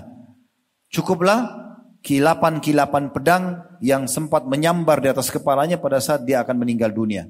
Itu sudah cukup menjadi fitnah buat dia, maka tidak perlu lagi ya, ditanyakan di kuburan. Jadi tidak perlu ditanya karena sudah pasti lolos gitu. VIP ini. Yang keempat, mendapatkan enam keutamaan sekaligus. Kata Nabi SAW, inda Allah sittu khisal. Orang yang mati syahid di sisi Allah mendapatkan enam hal. Yang pertama, yukfar lahu fi awal daf, fi awali dif'atin. Akan dimaafkan dari tet, dengan tetesan darah pertama yang jatuh. Yang kedua, yura maq'adahu fil jannah. Minal jannah, maaf. Yura maq'adahu minal jannah langsung diperlihatkan tempat istananya di surga pada saat dia meninggal. Awal meninggal langsung dilihatkan. Diampuni dosanya, kemudian dilihatkan tempat di surga. Yang ketiga, wa yujaru min adzabil kubur, diselamatkan dari siksa kubur. Yang keempat, maaf, yang kedua dulu, wa yara yara maq'aduhu minal jannah wa yujaru min adzabil kubur. Ini digabung ya. Jadi yang kedua tuh diperlihatkan tempatnya di surga, kemudian dia diselamatkan dari fitnah atau siksa kubur. Yang ketiga, wa ya'manu minal wa ya'manu minal faza'il akbar. Dia diselamatkan dari eh, kekacauan ya, keribu, eh, apa namanya eh, ketakutan yang besar pada hari kiamat nanti di mahsyar maksudnya. Mereka akan selamat. Mereka tidak akan ikut dengan hiruk piruknya mahsyar. Kemudian yang keempat, wa ala ra'si tajum tajul wiqar al-yaqutatu minha khairu minad dunya wa fiha. Akan ditaruh di atas kepalanya mahkota nanti pada hari mahkota kebesaran orang yang mati syahid ini yang satu permatanya yakutnya lebih baik daripada dunia dan seluruh isinya. Sementara mahkota itu penuh dengan banyak sekali mahkota, banyak sekali permata yakut. Yang kelima, wa yuzawwiju ithnataini wa sab'ina zawjatan min hurin ain. Dinikahkan dengan 72 bidadari. Yang keenam, wa yushaffa'u fi sab'ina min aqaribihi. Dan dia akan diberikan kesempatan untuk memberikan syafaat pertolongan 70 kerabatnya. Selama sama-sama muslim, boleh. Kamu, kamu, kamu ikut saya masuk surga tanpa hisab. Itu luar biasa. Hadis ini riwayat ini disahihkan oleh Syekh Albani. Ya. Sementara jenis-jenis mati syahid ada banyak. Ya. Selain mati syahid tadi medan perang, saya ringkaskan ada jenis mati syahid yang lain. Tapi ini bedanya dengan orang yang di medan perang, mereka dapat pahala syahid, tapi mereka tetap melalui prosesi seperti orang yang bukan mati eh, seperti orang yang bukan masyarakat kayak dimandikan, dikafani, ya, disolati, itu masih dilakukan. Yaitu pernah dalam hadis riwayat Imam Muslim ditanyakan atau Nabi SAW mengatakan, "Ma ta'udduna syahida minkum?" Siapa yang kalian anggap orang mati syahid di antara kalian? Qalu ya Rasulullah, man kutila fi sabilillah fa huwa syahid. Kata para sahabat ya Rasulullah, siapa yang terbunuh di jalan Allah maka dia syahid. Qala inna syuhada ummati idzan idzan laqalil. Kalau begitu berarti syuhada umatku sedikit sekali. Karena harus mati di medan perang baru dianggap syahid. Qalu faman hum ya Rasulullah? Lalu kata Nabi SAW, kalau begitu siapa lagi selain mereka ya Rasulullah? Qala, disebutkanlah, man kutila fisabilillah fahuwa syahid. Kalau orang yang mati di medan perang, maka dia dihitung syahid. Wa man mata fisabilillah fahuwa syahid. Siapa yang mati di jalan Allah, tidak harus perang. Kayak anda yang nuntut ilmu begini meninggal. Insya Allah panjang umur. Tapi ada orang keluar cari nafkah. Misalnya buat keluarganya di jalan Allah. Ikhlas karena Allah. Ya, itu juga atau bertugas. Tugas negara misalnya. Kemudian dia mati. Maka mati syahid. Itu yang kedua. Yang ketiga. Waman mata fit ta'uni fahuwa syahid. Siapa yang mati kena wabah. Kalau ta'un ini pes. Tapi fatwa ulama pada saat terjadi corona kemarin. Dianggap hadis ini adalah bagian daripada wabah. Bagian daripada pecahan atau penjelasan taun, semua wabah yang merabah luas, orang mati karenanya dianggap mati syahid. Waman mata fil batni fahuwa syahid. Siapa yang mati karena sakit perut maka dia juga syahid. Wal ghariku syahid. Dan orang yang mati tenggelam juga dianggap syahid. Dalam riwayat Bukhari yang lain atau dalam riwayat Bukhari Muslim yang lain ditambahkan dari hadis Abu Hurairah wasahibul hadmi dan orang yang kena reruntuhan bangunan juga dianggap syahid. Dalam riwayat yang lain, riwayat Abu Dawud, kata Nabi SAW, Asyhadatu sab'un siwal qatli fi sabilillah. Orang yang mati syahid itu ada tujuh selain mati berperang di jalan Allah. Al-mat'unu syahid. Orang yang kena wabah mati syahid. Wal ghariku syahid. Orang yang tenggelam mati syahid. Wasahibu dhatil jambi syahid. Orang yang meninggal kena penyakit lambung syahid. Wal matbu wal mabtunu syahid. Orang yang meninggal kena sakit perut syahid. Wasahibul harik sahibul hariki syahid. Orang yang mati kebakaran syahid. Walladhi yamutu tahtal hadmi syahid. Orang yang mati kena runtuhan bangunan juga syahid. Wal mar'atu tamutu bi jum'in syahid. Dan wanita yang meninggal dalam kondisi melahirkan juga syahid. Hadis ini diriwayatkan oleh Abu Dawud. Kita akan tutup teman-teman sekalian dengan poin yang menurut saya terpenting dalam bahasan kita karena penutupan tentang VIP di akhirat sana. VIP di akhirat sana. Yaitu bagaimana kita menjadi VIP di mahsyar dan VIP di surga sana. Masih bisa dilanjutin temanya nih? Masih semangat gak? Banyak yang ruku-ruku tadi saya lihat. Hah? Mungkin perlu dibagiin air kali. Masih bisa lanjut? Semangat ya. Alhamdulillah. Baik. Teman-teman pernah dengar siro, eh, pernah dengar eh, keadaan mahsyar nanti ya. Pada hari kiamat. Keadaan mahsyar itu teman-teman dalam surah Al-Hajj Allah gambarkan wa taran nasa sukara wa bisukara walakinna adzaballahi syadid.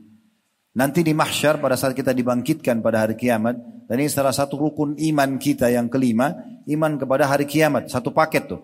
Kematian, alam barzah di kuburan, kebangkitan di mahsyar, hisab, timbangan amal, kemudian melewatin sirat, jembatan, baru surga dan neraka. Ini satu paket.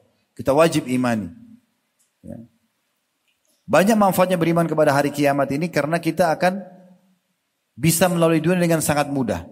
Kalau nikmat ada, kita tidak boleh berlebihan, kita bersyukur dan kita berbagi sama orang lain. Kalau ada ujian, kita mengingat akhirat jadi kecil ujian kita itu. Memang begitu, salah satu manfaat orang mengingat akhirat. Nanti di akhirat itu orang akan dibangkitkan semuanya manusia, bukan cuma kita yang hadir di sini. Semua dari manusia yang pertama Adam alaihissalam, jin yang pertama dan jin diciptakan jauh sebelum kita. Makanya waktu Nabi Adam diciptakan alaihissalam, iblis sudah ada sampai manusia dan jin terakhir nanti. Dibangkitkan semua, hewan-hewan semua dibangkitkan. Bahkan sebagian riwayat menyebutkan masalah tumbuh-tumbuhan yang akan jadi saksi hari kiamat. Didatangkan semua bebatuan, air, semua itu akan Allah SWT kembalikan. Tapi dikumpul semua di satu tempat yang sangat luas. Ya kata Nabi SAW, mahsyar itu adalah sebuah tanah lapang berpasir putih dan tidak berbangunan. Luas sekali. Semua akan berkumpul di situ. Namun keadaannya nanti semua orang akan berdiri di barisan belakang nabi-nabi mereka. Dan ada juga orang walaupun yang beriman yang beriman dan kafir digabungin. Cuma nanti akan dipisah lagi setelah dikumpulin dulu semua baru kemudian yang beriman ikut dengan nabinya untuk masuk ke surga yang kafir akan masuk ke neraka. Orang-orang yang tidak beriman sama Allah, tidak beriman sama nabi-nabi juga diberdirikan sendiri. Ada orang yang dibangkitkan pada saat itu dalam kondisi kepalanya di bawah, kakinya di atas. Kata Nabi SAW, demi zat yang jiwaku dalam genggamannya, sungguh mereka akan berjalan dengan wajah-wajah mereka menghindari duri-duri yang ada di mahsyar itu. Dan sungguhnya Allah yang telah membuat mereka bisa jalan di muka bumi dengan kaki mereka, wajah mereka di atas, sangat mampu untuk membalik keadaan mereka jalan dengan wajah mereka. Dan yang paling luar biasa, Kata Nabi SAW, sungguhnya ya, matahari akan sangat dekat dengan manusia sampai ukuran satu mil. Maka perawi hadis mengatakan, saya tidak tahu yang dia masukkan satu mil itu adalah mil jarak yang kita hitung kurang lebih satu setengah kilometer atau mil ini bisa juga berarti dalam bahasa Arab kalau uh, seseorang dari kita mau pakai celak mata, kalau dia sudah celupkan uh, kayunya atau wadah yang untuk dicelupin ke butiran celak, kemudian ditarik untuk ditaruh di mata, pada saat sudah dekat dengan mata ini istilahnya mil. Jadi sangat dekat. Nah saking dekatnya matahari sampai orang sangat kepanasan pada saat itu. Dan kata Nabi SAW, Allah akan memilah nanti suhu panas itu kepada orang-orang. Ada yang tenggelam sesuai dengan kadar dosanya. Ada yang tenggelam sampai mata kakinya. Ada yang sampai pahanya. Ada yang sampai dadanya. Ada yang tenggelam dengan keringat sendiri. Dan Allah alam berapa lama sampai Allah datang menghisap mereka. Ini luar biasa. Ini. Keadaannya sangat memilukan pada saat itu. Dan sangat menakutkan. Allah menggambarkan nanti kalau ada wanita hamil akan meletakkan atau menyusui akan melepaskan. Anak kecil akan beruban luar biasa. Tapi ada golongan VIP. ada delapan golongan VIP yang tidak kena itu semua. Selain nabi-nabi ya. Selain nabi-nabi. Kita-kita saja. Hadis yang masyur tentang tujuh golongan. Mungkin teman-teman sudah tahu. Ananda juga mungkin sudah belajar di kelas. Sab'atun yudhillumullah fi dhilli yawma la dhilla illa dhillu ada tujuh golongan yang akan Allah naungi nanti pada hari kiamat. Tidak ada naungan kecuali naungan Allah. Jadi pada saat orang kepanasan, orang hirup-hirup di sini berteriak, di sini disiksa. Dan ada juga orang disiksa ya. Ya ada orang disiksa uh, di mahsyar itu dengan siksaan yang berbagai macam siksaan. Seperti misalnya uh, ada orang yang di mahsyar kata Nabi SAW akan dikejar oleh hartanya sendiri dalam bentuk ular. Ya, kemudian ular itu mengatakan, ambillah hartamu yang selama ini kau simpan, tidak dizakati. Dan harta itu ada di tenggorokan ular tadi. Kemudian dia lari terus sampai dia merasa sudah tidak bisa lagi menghindar. Maka dia masukkan tangannya ke dalam mulut ular tersebut untuk mengambil hartanya. Di saat itu ular itu melumatnya kata Nabi SAW. Ibarat seperti ya ular e, jantan yang melumat e, mak makanannya. Ada juga riwayat yang mengatakan harta itu akan melilit dia. Dari kaki bentuk ular sampai ke lehernya dan ular itu botak karena kerasnya bisanya. Kemudian mematok-matok kepala orang itu sambil mengatakan aku adalah hartamu yang selama ini engkau timbun. Itu di mahsyar. Belum masuk ke neraka itu. Dan sekian banyak jenis siksaan. Tapi ada tujuh golongan Allah naungi. Mereka tidak rasakan panas. Mereka dilayani, mereka dihormati, mereka dimuliakan. Dan mereka bisa lihat orang-orang depannya yang pada disiksa. Kata Nabi SAW, tujuh ini yang pertama al-imamul adil. Pemimpin yang selalu berlaku adil. Ya, selalu mau memberikan hak masyarakatnya. Kemudian yang kedua, syabun nasya'a fi ibadatillah. Ya, anak muda yang tumbuh di atas ketaatan kepada Allah SWT. Nah ini ananda di sini harus faham. Ayah ibu anda masukkan di sini supaya tumbuh di atas ketaatan. Mulai sekarang hilangkan persepsi yang sering kita dengar di negara kita ini. Ah mumpung masih muda, puas-puasin aja. Puas maksudnya buat dosa ugal-ugalan, ganggu teman-temannya, buat keonaran di masyarakat, ya, coret-coret bajunya, ya, ganggu, uh, kurang ajar dengan gurunya, dan seterusnya. Coba seks bebas, coba rokok, coba minuman keras, narkotika, ini semua tidak benar. Justru di masa muda harus dipakai dalam ketaatan. Dan ini punya kedudukan sendiri. Di mahsyar nanti dia akan menjadi tamu VIP. Yang masih muda sibuk dengan ketaatan, dari pagi kayak di pesantren dari pagi sampai malam kan padat tuh jadwalnya. Dari belajar, ya, dari olah ke olahraga, ke makanan yang halal dan seterusnya. Kemudian yang ketiga, warajulun kalbu mu'allakum bil masajid. Seorang yang hatinya terikat dengan masjid.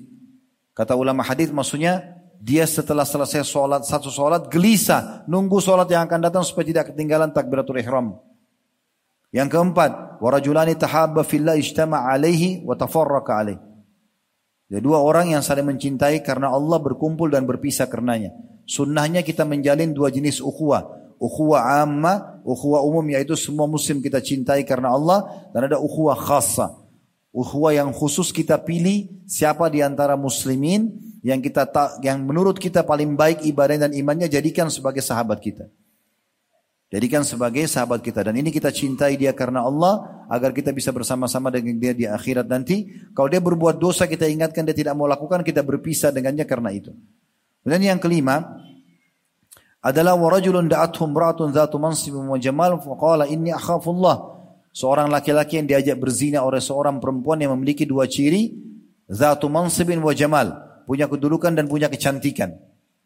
Sudah wanita kaya, wanita pejabat, kemudian plus lagi kaya. eh, cantik, sempurna fisiknya, ngajak zina, dia mengatakan saya takut kepada Allah. Kalau cantik saja sama kaya tidak boleh, apalagi jelek. Lebih nggak mungkin, lebih nggak masuk akal orang berbuat zina gitu. Ini juga berlaku bagi wanita ya. Kalau diajak oleh laki-laki yang punya kedudukan sendiri berzina dan dia tinggalkan. Mudah-mudahan dia, mereka termasuk juga dalam masalah ini. Kalau masjid tadi memang lebih pada laki-laki ya. Kemudian yang keenam, warajulun sasaddaqa bisadaqatin fa akhfaha la ta'lam shimalu ma yaminu. Seseorang yang bersedekah dengan tangan kanannya sampai tangan kirinya tidak tahu apa yang dikeluarkan oleh tangan kanannya. Ini sebenarnya bahasa kiasan ya. Karena kiri kanan di sini sama aja. Mungkin menurut kita tidak ada yang saling tahu gitu ya. Karena ini tidak tidak memiliki mata, tapi kuasa Allah SWT mungkin saja Allah berikan saksi jadikan saksi hari kiamat. Tapi maksudnya adalah kalau sampai tangan kanan keluarkan tangan kiri tidak tahu apalagi orang lain supaya dia tidak riak. Dia selalu sembunyikan sedekahnya. Kemudian yang terakhir yang ketujuh warajulun zakarallah khalian fafadat ainah. Seseorang yang mengingat Allah sendirian lalu dia menangis. Ingat surga, ingat neraka, ingat nikmatnya Allah, ya. Atau pada saat dia berdoa mohon agar Allah terima hajatnya, berikan hajatnya, keluarkan dari permasalahan, dia nangis. Maka ini termasuk dapat naungan Allah. Itu tujuh golongan.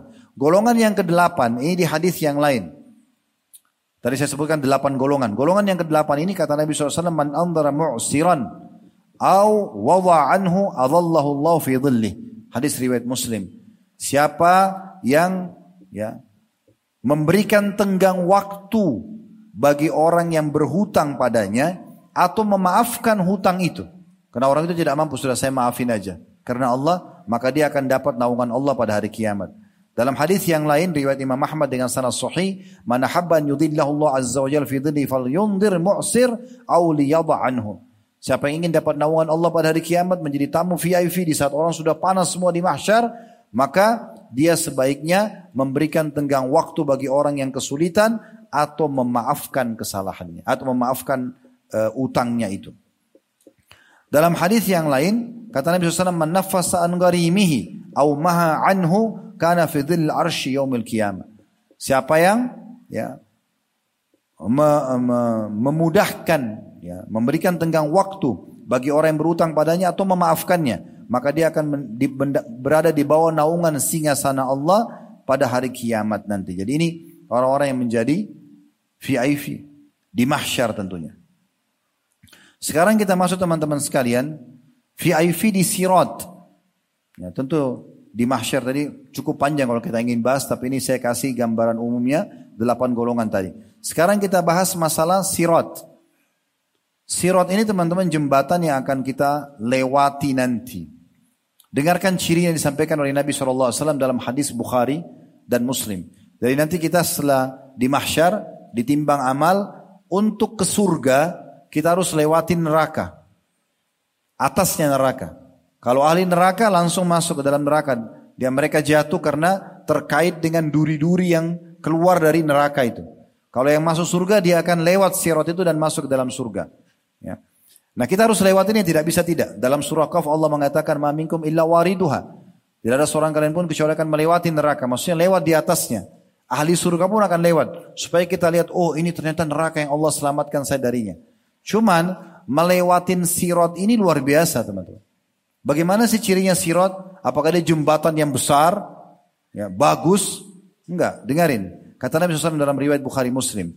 Thumma bil jisri fayuj'alu baina dhahrai jahannam. Akan didatangkan pada hari kiamat nanti sebuah jembatan yang diletakkan di atas neraka jahannam. Kulna ya Rasulullah, wa mal jasru? Kami mengatakan ya Rasulullah, apa itu al-jasru atau al-jisru? Jembatan itu seperti apa? Qala sallallahu alaihi wasallam, madhadatun, licin sekali. Mazallatun alai mazallatun dan dia menggelincirkan. Jadi ada biasa jalan licin saja, tapi kita masih bisa atur jalan kita supaya tidak tidak uh, tidak jatuh, tidak tergelincir. Tapi ini enggak, sudah licin, menggelincirkan artinya tidak bisa kita selamat dari. Susah. Karena biar kita coba pelan-pelan tetap akan jatuh. Kalau iman dasarnya harus jatuh sesuai takdir Allah Subhanahu wa taala. Alaihi khatatifu wa kalalib. Padanya ada besi-besi kait. Besi-besi kait. Wahaskatun mufaltahatun laha syaukatun uqaiqa takunu binajd yuqalu laha as-sa'dan artinya dia berisikan banyak sekali kawat-kawat berduri yang bengkok dan tajam. Ya seperti kait gitu. Besi kait dan penuh dengan duri-duri yang tajam yang mirip seperti sebuah dahan pohon di wilayah Najd yang bernama Sa'dan. Di riwayat Bukhari Muslim, di riwayat Bukhari yang lain, la ya'lam qadru 'idhamiha illallah fatakhtafu nasu bi'amalihim.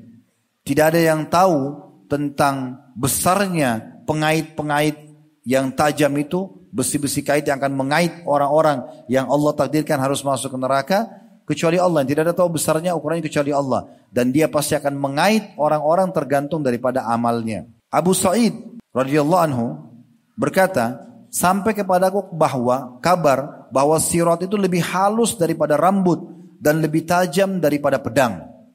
Hadis riwayat Muslim. Kata beliau, sampai kepadaku kabar maksudnya dari Nabi SAW bahwa sirat itu lebih halus dari rambut. Kita bayangkan rambut kita ini satu helai, sirat lebih tipis dari itu. Licin menggelincirkan, penuh duri-duri, ada pengait-kait besi yang tajam yang mengait orang-orang. Ya. Dan lebih tajam daripada pedang. Bagaimana kita jalan di atas jalan kecil tajam? Pasti melukai. Ya, seperti itu gambarannya. Rasulullah SAW bersabda menjelaskan, ya, tentang masalah orang yang lewat di atas sirat. Ternyata teman-teman sekalian, walaupun dia begitu sifatnya, ada orang-orang VIP ini. Dari sekarang, setelah kita bubar, atau bahkan sekarang lagi ta'lim, bisa teman-teman begitu saya sudah bacakan nanti hadisnya, riwayatnya saya langsung terjemahkan karena cukup panjang. Langsung mohon kepada Allah agar anda termasuk orang yang VIP di situ. Karena ini luar biasa. Melewatin sirat yang licin, yang tajam, penuh dengan kait-kait besi yang tajam dan di bawah kita neraka jahanam. Apinya ya di situ berkobar-kobar. Histeri orang teriak kiri kanan kita pada jatuh. Ada orang yang selamat. Kata Nabi Shallallahu Alaihi Wasallam, orang yang pertama Allah izinkan selamat lewatin sirat cepatnya seperti kilat. Ini VIP pertama. Semoga kita termasuk insya Allah.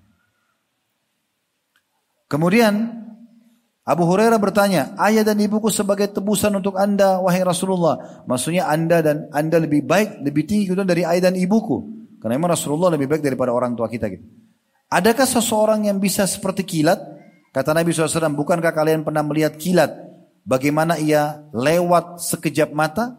Tanda tanya. Maksudnya begitulah orang akan dimudahkan oleh Allah. Yang VIP pertama ini seperti kilat, sudah sampai di ujung, sudah sampai ke surga. Ini luar biasa. Kemudian datang golongan kedua seperti kecepatan burung yang terbang sehingga tidak menginjak lagi sirot yang licin tadi dan berduri itu. Kemudian golongan ketiga seperti kuda yang berlari kencang. Kemudian mereka eh, yang ketiga berjalan berjalan seperti kuda yang berlari kencang. Mereka berjalan sesuai dengan amal mereka.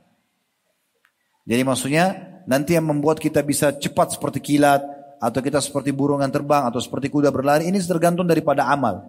Selama ini teman-teman buat amal bagaimana di dunia, sholatnya selalu on time, khusyuk, sedekah, uh, rukun Islam dijalankan misalnya sholat, kemudian zakat, puasa Ramadan, haji, dilengkapkan dengan sunnah-sunnahnya makin sempurna, maka makin dekat kita dengan kelompok VIP ini. Nabi Nabi kalian kata Nabi SAW saat itu berada di atas sirat. Allah buat Nabi SAW di atas sirat. Lalu sambil berdoa mengatakan, Ya Allah selamatkan, selamatkan. Sampai akan ada hamba yang lemah amalannya yang melewati sambil merangkak. Jadi ada hamba-hamba yang amalnya tidak cukup menyampaikan dia di ujung sirat. Dia adanya tadinya mulai kencang, lama-lama pelan-pelan pelan sampai merangkak karena amalnya sudah tidak kuat lagi. Dia berjalan sambil merangkak. Di kedua pinggir sirat terdapat besi pengait yang bergelantungan dan menyambar siapa saja yang diperintahkan untuk disambar. Ada yang terpeleset namun selamat. Maksudnya sempat karena amalnya tidak kuat lagi terpeleset. Tapi masih bisa terdorong dengan sedikit amal-amal tersisa.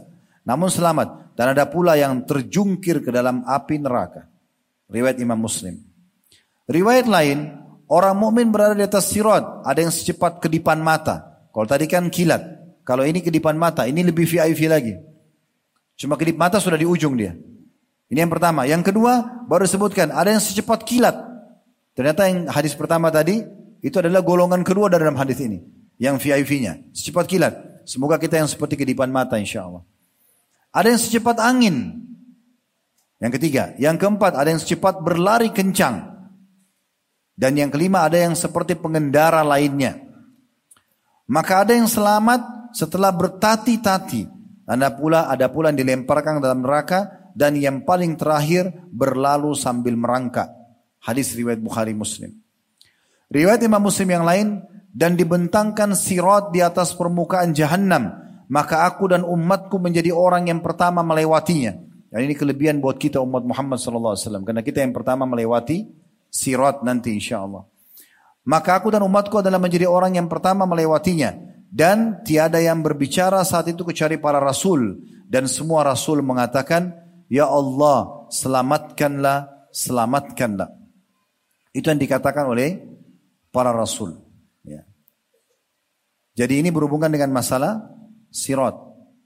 Jadi tergantung amal Bapak Ibu sekalian. Terakhir insya Allah kita akan bahas tentang masalah tempat abadi yang merupakan target utama kita. Surga. Inilah tempat kita yang sebenarnya. Semua yang teman-teman lihat dan rasakan dari kenikmatan dunia, makanan enak, minuman enak, pakaian yang nyaman misalnya kainnya karena bagus, tempat tinggal, kendaraan, udara, apa saja, pemandangan kayak di sini masya Allah pemandangan alami indah sekali. Misalnya semua itu cuma miniatur surga, miniaturnya.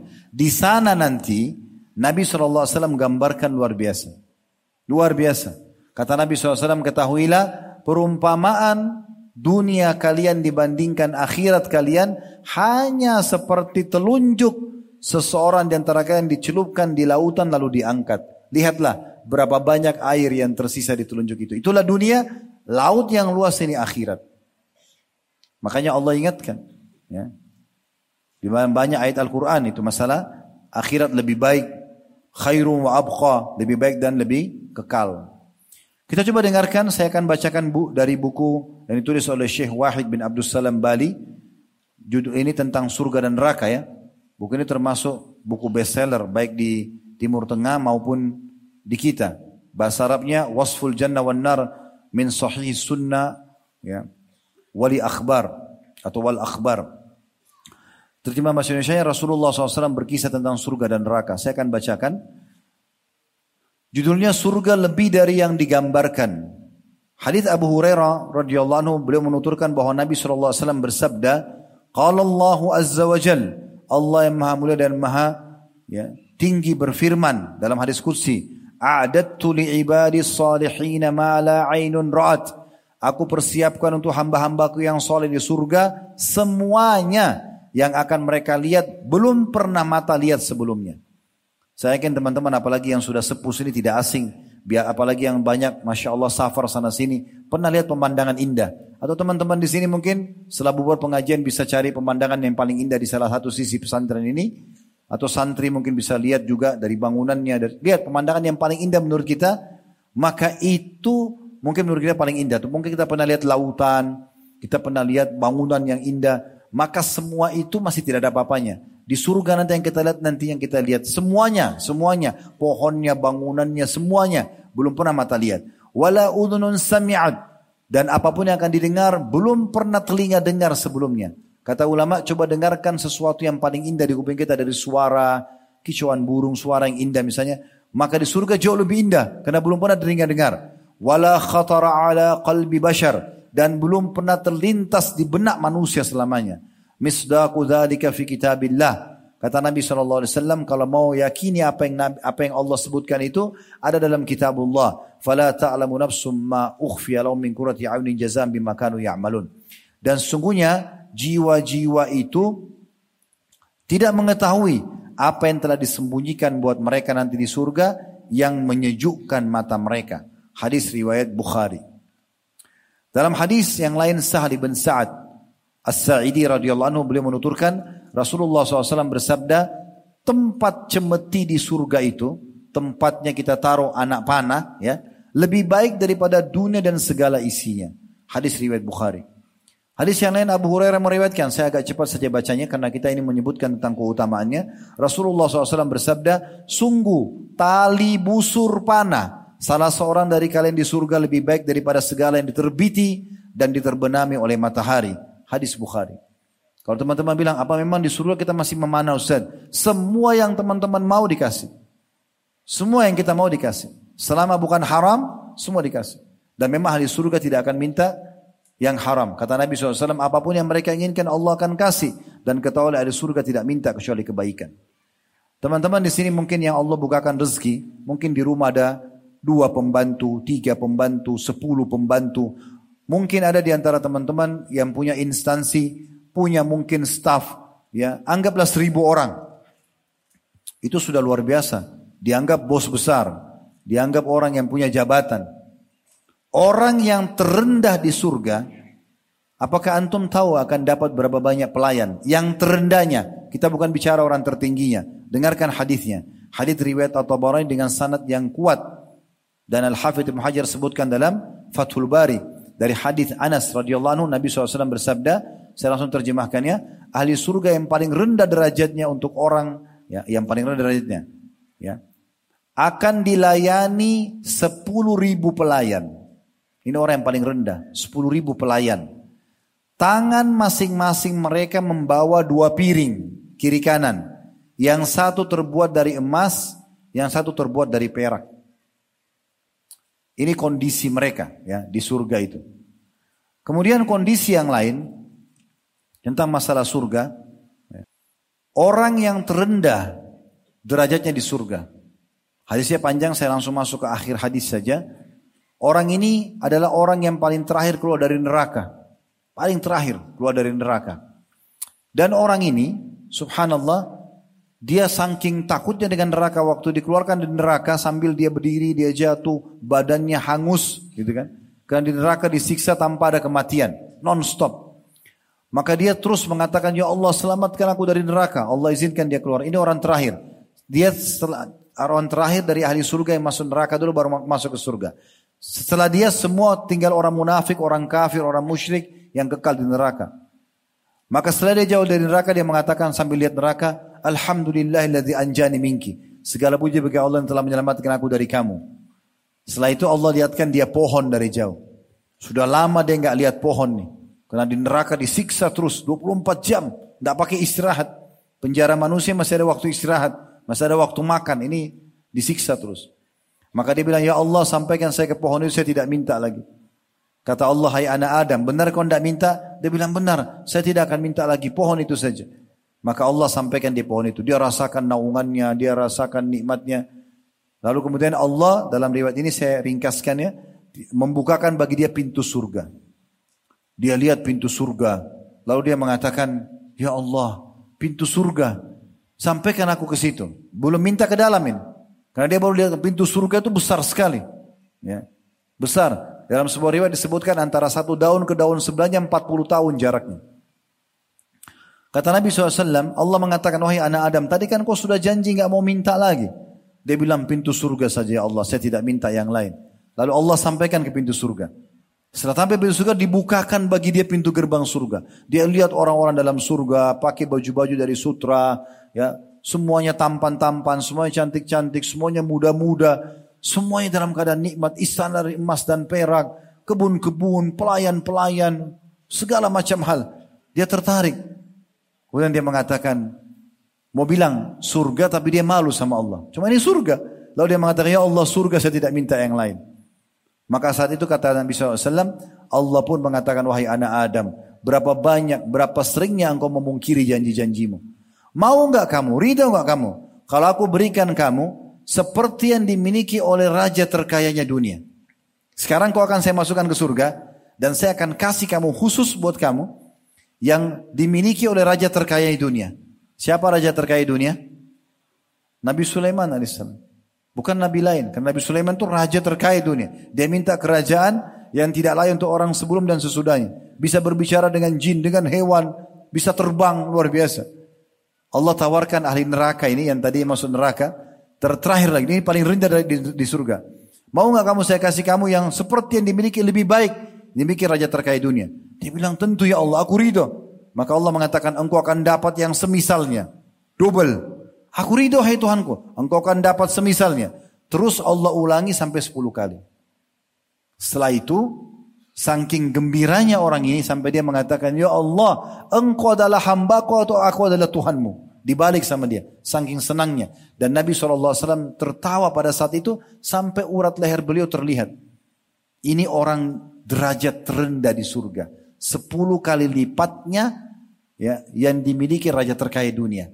Ini didapatkan hanya sholat kalau azan, puasa kalau Ramadan. Patuh saja sama Allah, kerjakan perintah, tinggalkan yang dilarang itu.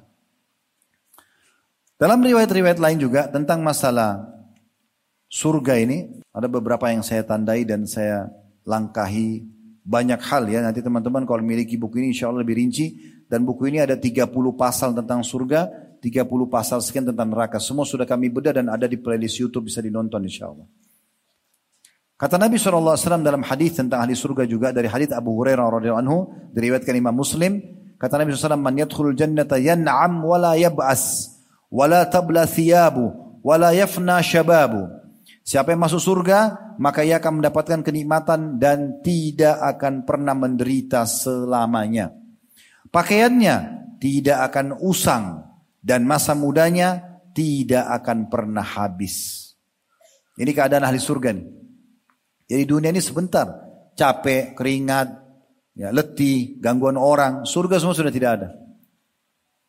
Dalam hadis Abdullah bin Mas'ud diriwayatkan Tabarani dengan sanad sahih, Tabarani dengan sanad sahih dari Nabi bahwasanya Nabi SAW bersabda, "Awwalu zumratin yadkhulul jannata ka'anna wujuhahum daw'al qamari lailatal badr." Golongan yang pertama masuk surga adalah wajah mereka, ini VIP juga nih, masuk surga VIP. Golongan yang pertama masuk surga adalah laksan wajah mereka laksana cahaya bulan purnama. Kemarin waktu ayamul bid 13, 14, 15 Anda bisa lihat bulan purnama, bulannya besar nah seperti itu Wajah mereka terang benderang. Ya, luar biasa gitu. Semoga kita termasuk ini insya Ini golongan pertama surga. Kemudian wazumratu tsani ala launi ahsani kaukabin durriyin fis sama. Golongan kedua adalah wajah mereka laksana bintang yang bersinar paling terang di langit. Kemudian beliau mengatakan likulli wahidin minhuma zaujatani minal hurun 'ain. Setiap orang dari ahli surga laki-laki itu akan mendapatkan dua orang istri dari bidadari. Ala kulli zawjatin sab'una hulla. Setiap istri memakai 70 gaun. Yura mukhusukihima mi warai luhumihima. Dan isi betis kedua uh, bidadari istrinya itu terlihat dari balik dagingnya. Wahula liha dan gaunnya. Kama yura syarabul ahmara min az-zayatil bayda. Sebagaimana minuman yang berwarna merah terlihat ya, dari kaca yang berwarna putih. Hadis yang lain riwayat Ahmad dan ini juga disahihkan oleh Syekh Albani dari hadis Abdullah bin Amr bin As radhiyallahu anhuma seseorang datang kepada Nabi SAW mengatakan wahai Rasulullah beritahukan kami tentang pakaian ahli surga. Sesuatu yang diciptakankah atau sesuatu yang ditenun.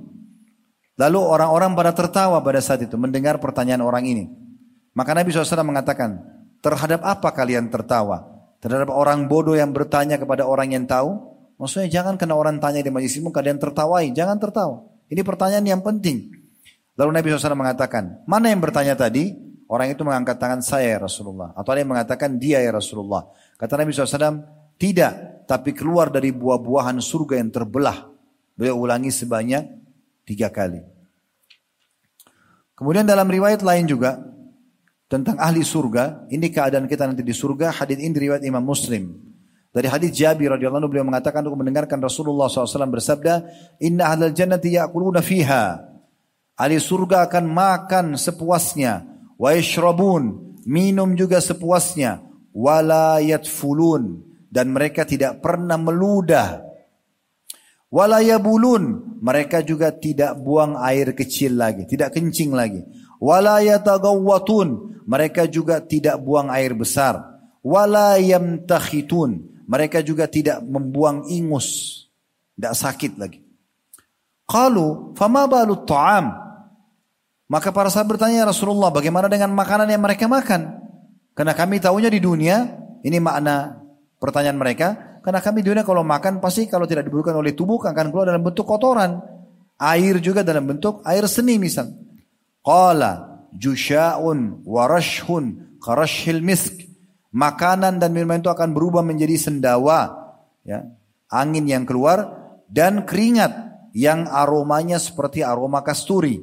Yulhamuna tasbiha wa tahmida kama tulhamuna nafas. Ahli surga akan diberikan insting bertasbih, selalu berzikir kepada Allah dan bertakbir, sebagaimana kalian diberikan insting untuk bernafas. Kemudian teman-teman sekalian cukup banyak hadisnya ya. Saya pilih-pilih saja. Ahli surga juga disebutkan dalam hadis riwayat Tirmidzi dihasankan oleh Al-Haythami dalam Majma' al-Zawa Majma' Az-Zawaid di 10 di 10 halaman 399 dari hadis Muadz bin Jabal radhiyallahu anhu bahwasanya Nabi SAW bersabda yadkhulu ahlul, ahlul jannati jurda murda mukal, muk, mukahhalin bani thalathin wa thalathin penghuni surga akan masuk dalam keadaan berkulit dan berwajah mulus tanpa bulu Nanti di surga semuanya nggak ada lagi jenggot, nggak ada lagi kumis, ya. Semuanya bersih wajahnya. Itu cuma di dunia saja.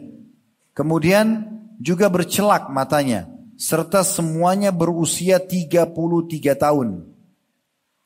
Maksudnya adalah dijelaskan dalam hadis lain, hadis Mikdam radhiyallahu anhu dalam hadis Baihaqi dengan sanad hasan, Nabi SAW bersabda, "Ma min ahadin yamutu saqtan wala harima tidak ada seorang pun yang mati baik dalam keadaan janin, bayi baru lahir, yang keguguran maupun yang sudah tua sekali, kakek-kakek, nenek-nenek. Ya. Wa innaman nasu fima baina dhalik dan manusia banyak yang di antara keduanya. Maksudnya ada orang yang meninggal bayi, ada orang yang meninggal tua. Tapi ada juga manusia yang berada di tengah-tengahnya. Tidak bayi, tidak juga tua tapi meninggal. Illa bu'itha ibna thalathin wa thalathina sana kecuali pasti akan dibangkitkan dalam usia 33 tahun. Jadi kalau kita punya anak kecil meninggal, nanti dibangkitkan kita ketemu 33 tahun.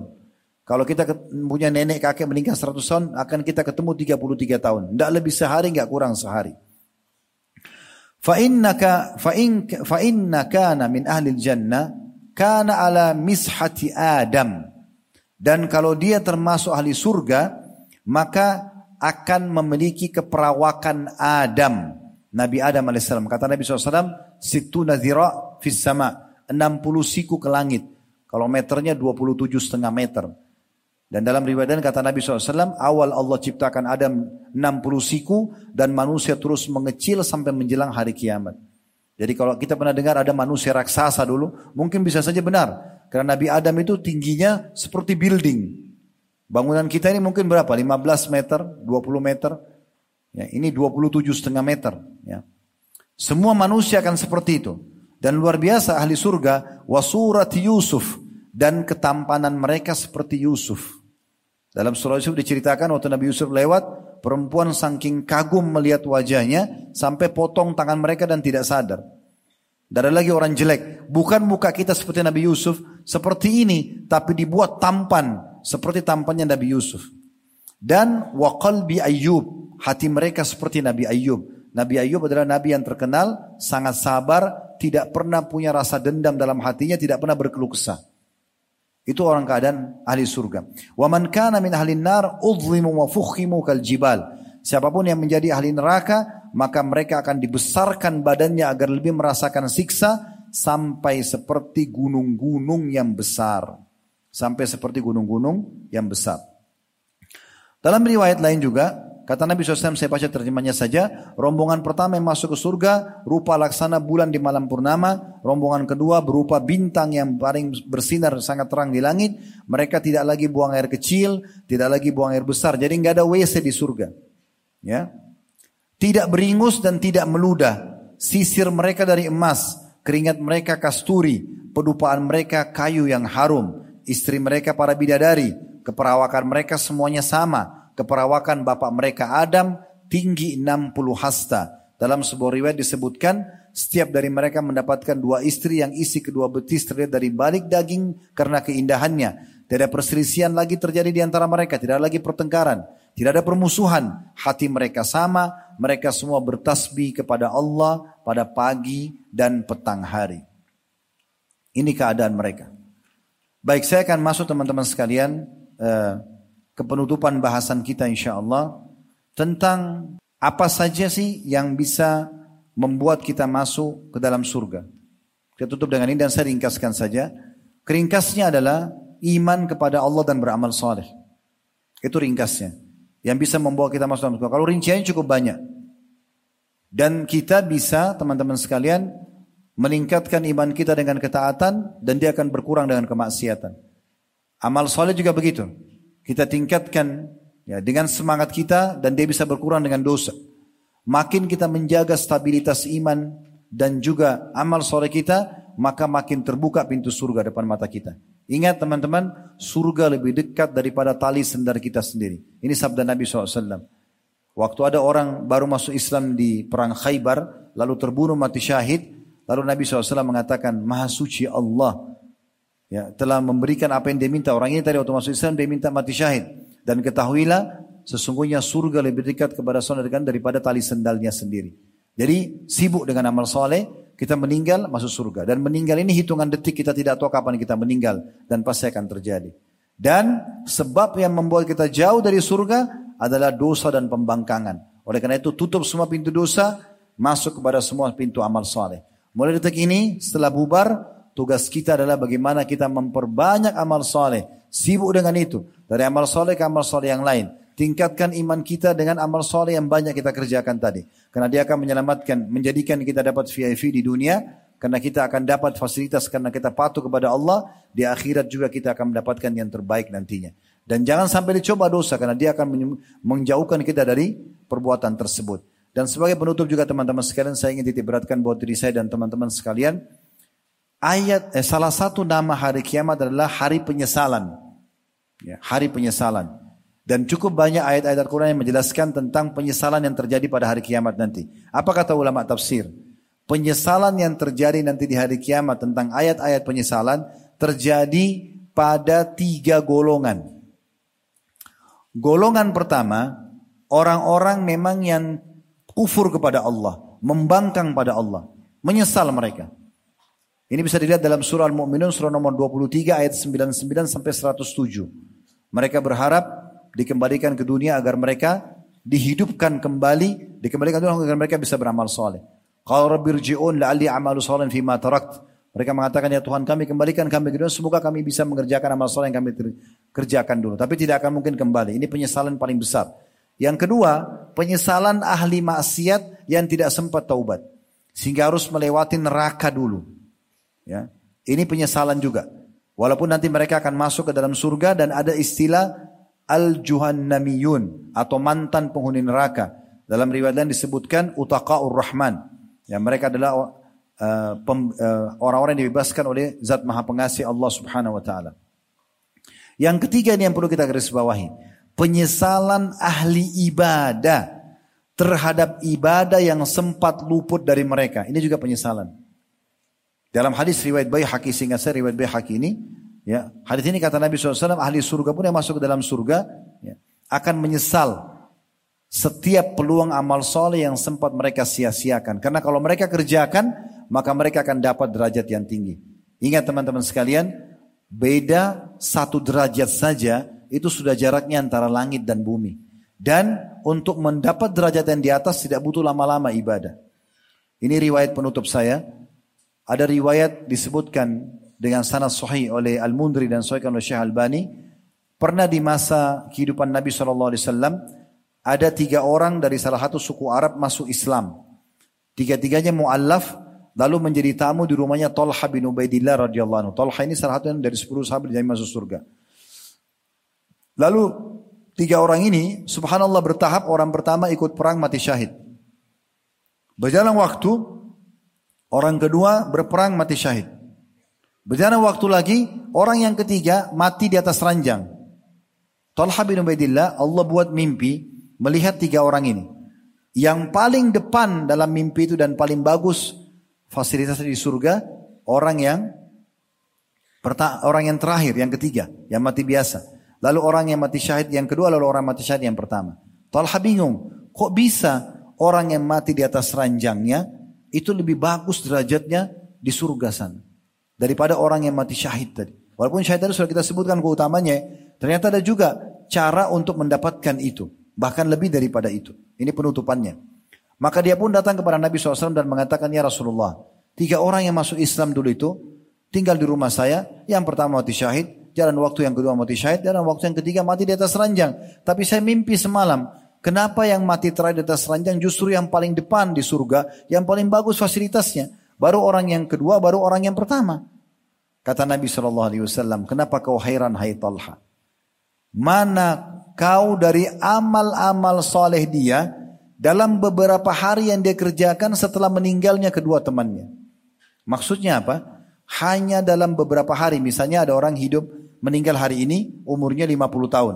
Ada yang sama tanggal lahir sama hari lahir, eh, tanggal lahir dan tahun lahirnya meninggal besok lebih satu hari. Ini sempat sholat sehari saja itu sudah cukup bisa meninggi lebih tinggi dari surga daripada orang yang meninggal kemarin.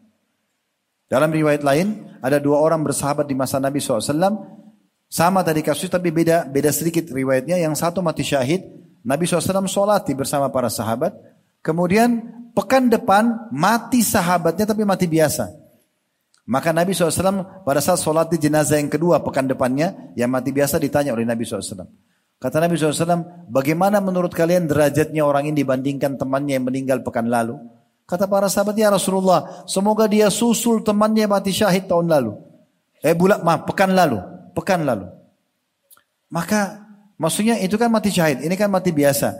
Mudah-mudahan ini Ya, karena dia bersahabat bisa sampai derajatnya itu. Apa kata Nabi SAW? Demi zat yang jiwaku dalam genggaman saya, demi Allah, demi zat yang jiwa Muhammad dalam genggamannya, sesungguhnya ini jenazah yang sedang kita solati, derajatnya di surga dibandingkan sahabatnya mati syahid pekan lalu antara langit sama bumi. Hanya karena dia bisa ibadah satu minggu, dapat Jumat sekali, dapat sholat lima waktu sehari itu luar biasa. Oleh karena itu teman-teman peluang amal soleh jangan disia-siakan. Setiap mau beramal soleh, setiap ada kesempatan sholat, sedekah, puasa, haji, umroh, jadikan itu sebagai amal ibadah terakhir kita. Anggap setelah kita kerjakan kita mati. Supaya jangan tunda-tunda. Jangan bilang nanti aja, nanti aja. Waktu masih ada. Antum akan sesali itu. Kesempatan yang kita sia-siakan. Walaupun masuk surga. Walaupun masuk surga. Ya. Ini yang kita harapkan bisa memberikan pencerahan insya Allah dari bahasan kita dan semoga Allah Subhanahu wa taala memberkahi majelis kita. Mohon maaf sedikit panjang bahasannya dan mudah-mudahan kita termasuk yang Allah pilih menjadi hamba-hambanya yang VIP di dunia, VIP pada saat meninggal, VIP pada saat di mahsyar dan lewatin sirat serta pada saat masuk dalam surga. Allahumma amin.